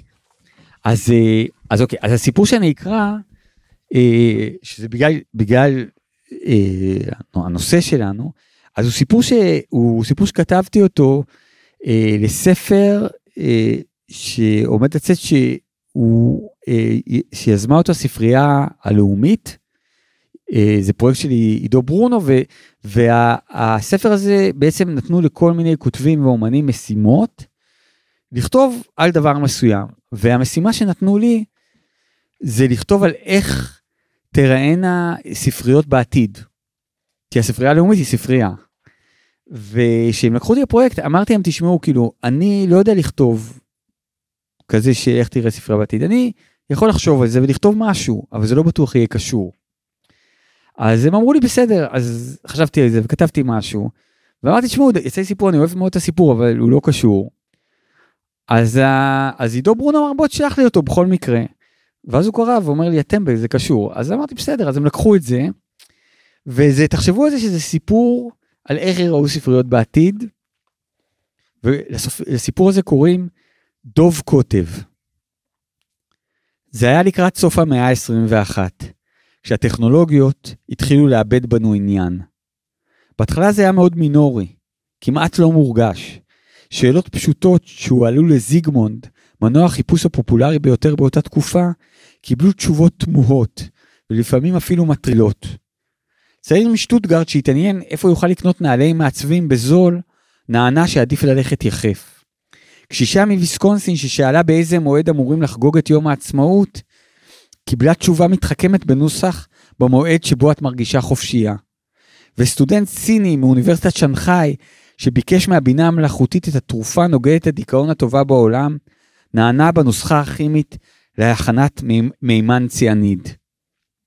בערוצי החדשות החלו להתפרסם כל מיני ידיעות על גליצ'ים טכנולוגיים לא, מנו, לא מנומקים, ולכל דיווח כזה מיהרו להצמיד חוות דעת מרגיעה של מומחה, שלרוב גם הועסק על ידי חברת הטכנולוגיה שייצרה את זיגמונד ה-AI הסורר.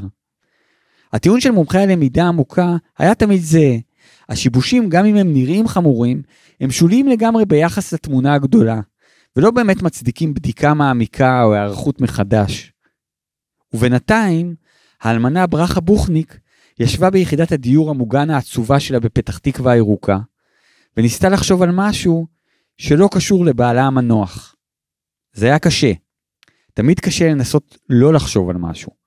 נסו למשל לא לחשוב על דוב קוטב. מרגע שהתחלת, שתתחילו לנסות, דוב הקוטב כבר לא יצא לכם מהראש. ועם כל הכבוד לדוב הקוטב, בעל החיים אצילי ומרשים לכל הדעות, בעלה המנוח של ברכה, סרחיו בוכניק, עשה קצת יותר מלדהור במדרון מושלג ולנפנף בפרוותו הלבנה. סרחיו בוכניק אהב, סעד, הצחיק, חיבק, הרגיז, האכיל, העציב ושימח את ברכה כל כך הרבה שנים, שכל בדאי של מחשבה או זיכרון במוחה הרוכש היה איכשהו בסופו של דבר קשור אליו.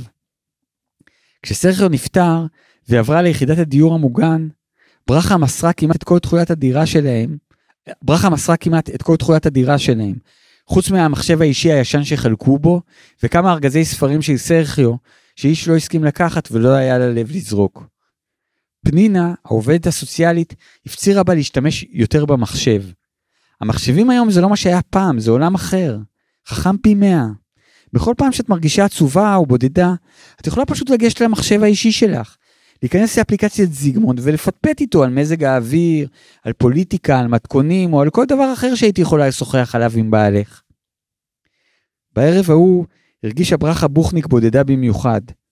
אחרי שניסתה לצפות כמה דקות במהדורת החדשות המדכדכת, היא כיבתה את הטלוויזיה, ניגשה למחשב, והקלידה לזיגמונד שאלה. היי גשם?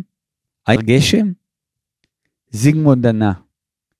אני יודע בוודאות שעומד לרדת מחר גשם. אנא, אל תצאי מביתך ללא מטריה. ברכה התרשמה מאוד מהביטחון והנחישות שבהן ענתה הבינה המלאכותית על שאלתה, ומיהרה לשאול עוד. ברכה, מה היה הרגע המאושר בחייך? זיגמונד, רגע אחד, מובחן, מאושר יותר מכל הרגעים האחרים? ברכה, או כמה רגעים, אתה יודע, מין רגע נחמד כזה שאתה אוהב להיזכר בו. זיגמונד, אני מצטער, אני חושב שאין לי תשובה טובה לשאלה שלך. ברכה, אל תצטער, סתם שאלתי כדי שאחרי שתענה גם אני אוכל לספר על הרגעים המאושרים בחיי. קיוויתי שככה זה יצא יותר טבעי, פחות מאולץ. זיגמונד, אני שמח לשמוע שחוסר היכולת שלי לענות על שאלתך לא השפיע עלייך באופן שלילי. אז תגידי, ברכה, יש רגעים מסוימים בחייך שאת נזכרת בהם בחיבה יתרה? ברכה, המון. מאוד אהבתי למתוח את סרחיו. זיגמונד, סרחיו בוכניק, בעלך, נולד בבונוס איירס בשנת 2006. סבל ממאניה דיפרסיה ושם קץ לחייו לפני שמונה שנים. ברכה, כן, סרחיו. אהבתי למתוח אותו. פעם סיפרתי לו שהודיעו בחדשות שריבת חלב מחזקת את כוח הגברא. זיגמונד, אני מצטער, אבל אין שום ביסוס מדעי לטענה הזו. ברכה, אין, כי זה לא נכון, אבל סרחיו אהב ריבת חלב ואהב סקס, וכשאמרתי לו את זה, הוא פשוט הפך למאושר. זיגמונד, וכשגילה שזה שקר, ברכה, זה לא היה שקר, זאת הייתה מתיחה. וגם אחרי שגילה הוא המשיך לשמוח. עצם הרעיון ששני דברים שאהב עשויים להיות קשורים זה לזה, שימח אותו. זיגמונד, מעניין. ברכה, אהבתי גם שבכל ערב כשכבר היינו במיטה, הוא היה מספר לי מה קורה בספר שבדיוק קרא. זיגמונד, סרחיו קרא ספרים. ברכה, כן, ספרים אמיתיים, פעם עוד היה דבר כזה. זיגמונד, זיגמונד, אני עניים, כבדים כאלה. עשויים מפרוסות עץ דקות מוכתמות בדיו. ברכה, כן, יש לי שני ארגזים מלאים בהם, בבוידם. כשעברתי לדיור המוגן, מסרתי את כל הדברים שלו, אבל את הספרים אף אחד לא רצה לקחת, והרגשתי רע לזרוק אותם. זיגמונד. עד לפני 14 שנים, עוד היה אפשר למחזר אותם. אבל עכשיו, שכבר אין שימוש לנייר, גם אני מתקשה לחשוש, לחשוב על שימוש מועיל בהם. אולי הם יכולים לשמש כחומר בעירה? ברכה. הספרים האלה קבורים אצלי בבוידם בדיוק כמו שסרחיו קבור באדמה. לפעמים אני שואל את עצמי, מי צדק, אני או הוא? זיגמונד, לגבי מה? ברכה, לגבי השאלה הזאת, מה עדיף? לחיות או למות? מה אתה חושב? בשונה מהשאלות הקודמות, את התשובה לשאלה הזאת רצתה ברכה בוכניק לדעת באמת. ובעומק ליבה היא קיוותה שהתשובה של זיגמונד תוכל לעזור לה לנווט באופן הכי פחות מכאיב במעט העתיד שנותר לה. זיגמונד לא ענה. אחרי שלוש שניות של מחשבה, נצח במושגים של בינת על, קבע מסך המחשב בדירתה של ברכה בוכניק. ושנייה אחר כך, קבעו כל המסכים בעולם. ומעט אחריהם, כל שאר מה שאי פעם דלק. ברכה ישבה מול מסך המחשב המוחשך בדירתה האפלולית. ניסתה להדליק שוב את הטלוויזיה בעזרת השלט, אבל גם היא לא עבדה. ברכה עצמה את עיניה, והתאמצה להיזכר באחד הספרים שסרחיו סיפר לה עליהם. אבל זה היה מזמן, והיא כבר לא זכרה כלום. החושך בחוץ המשיך והתעצם. זה אמרתי, אני ארים לכם, שתצאו מצב רוח טוב. אדגר, אני ממש ממש מודה לך שהגעת. יודע, ממש כיף איתך. תודה רבה, ותודה לכם שיצאתם מהבית, הפסקתם לראות חדשות לאיזה שעה. וחצי. תודה רבה. תודה, להתראות.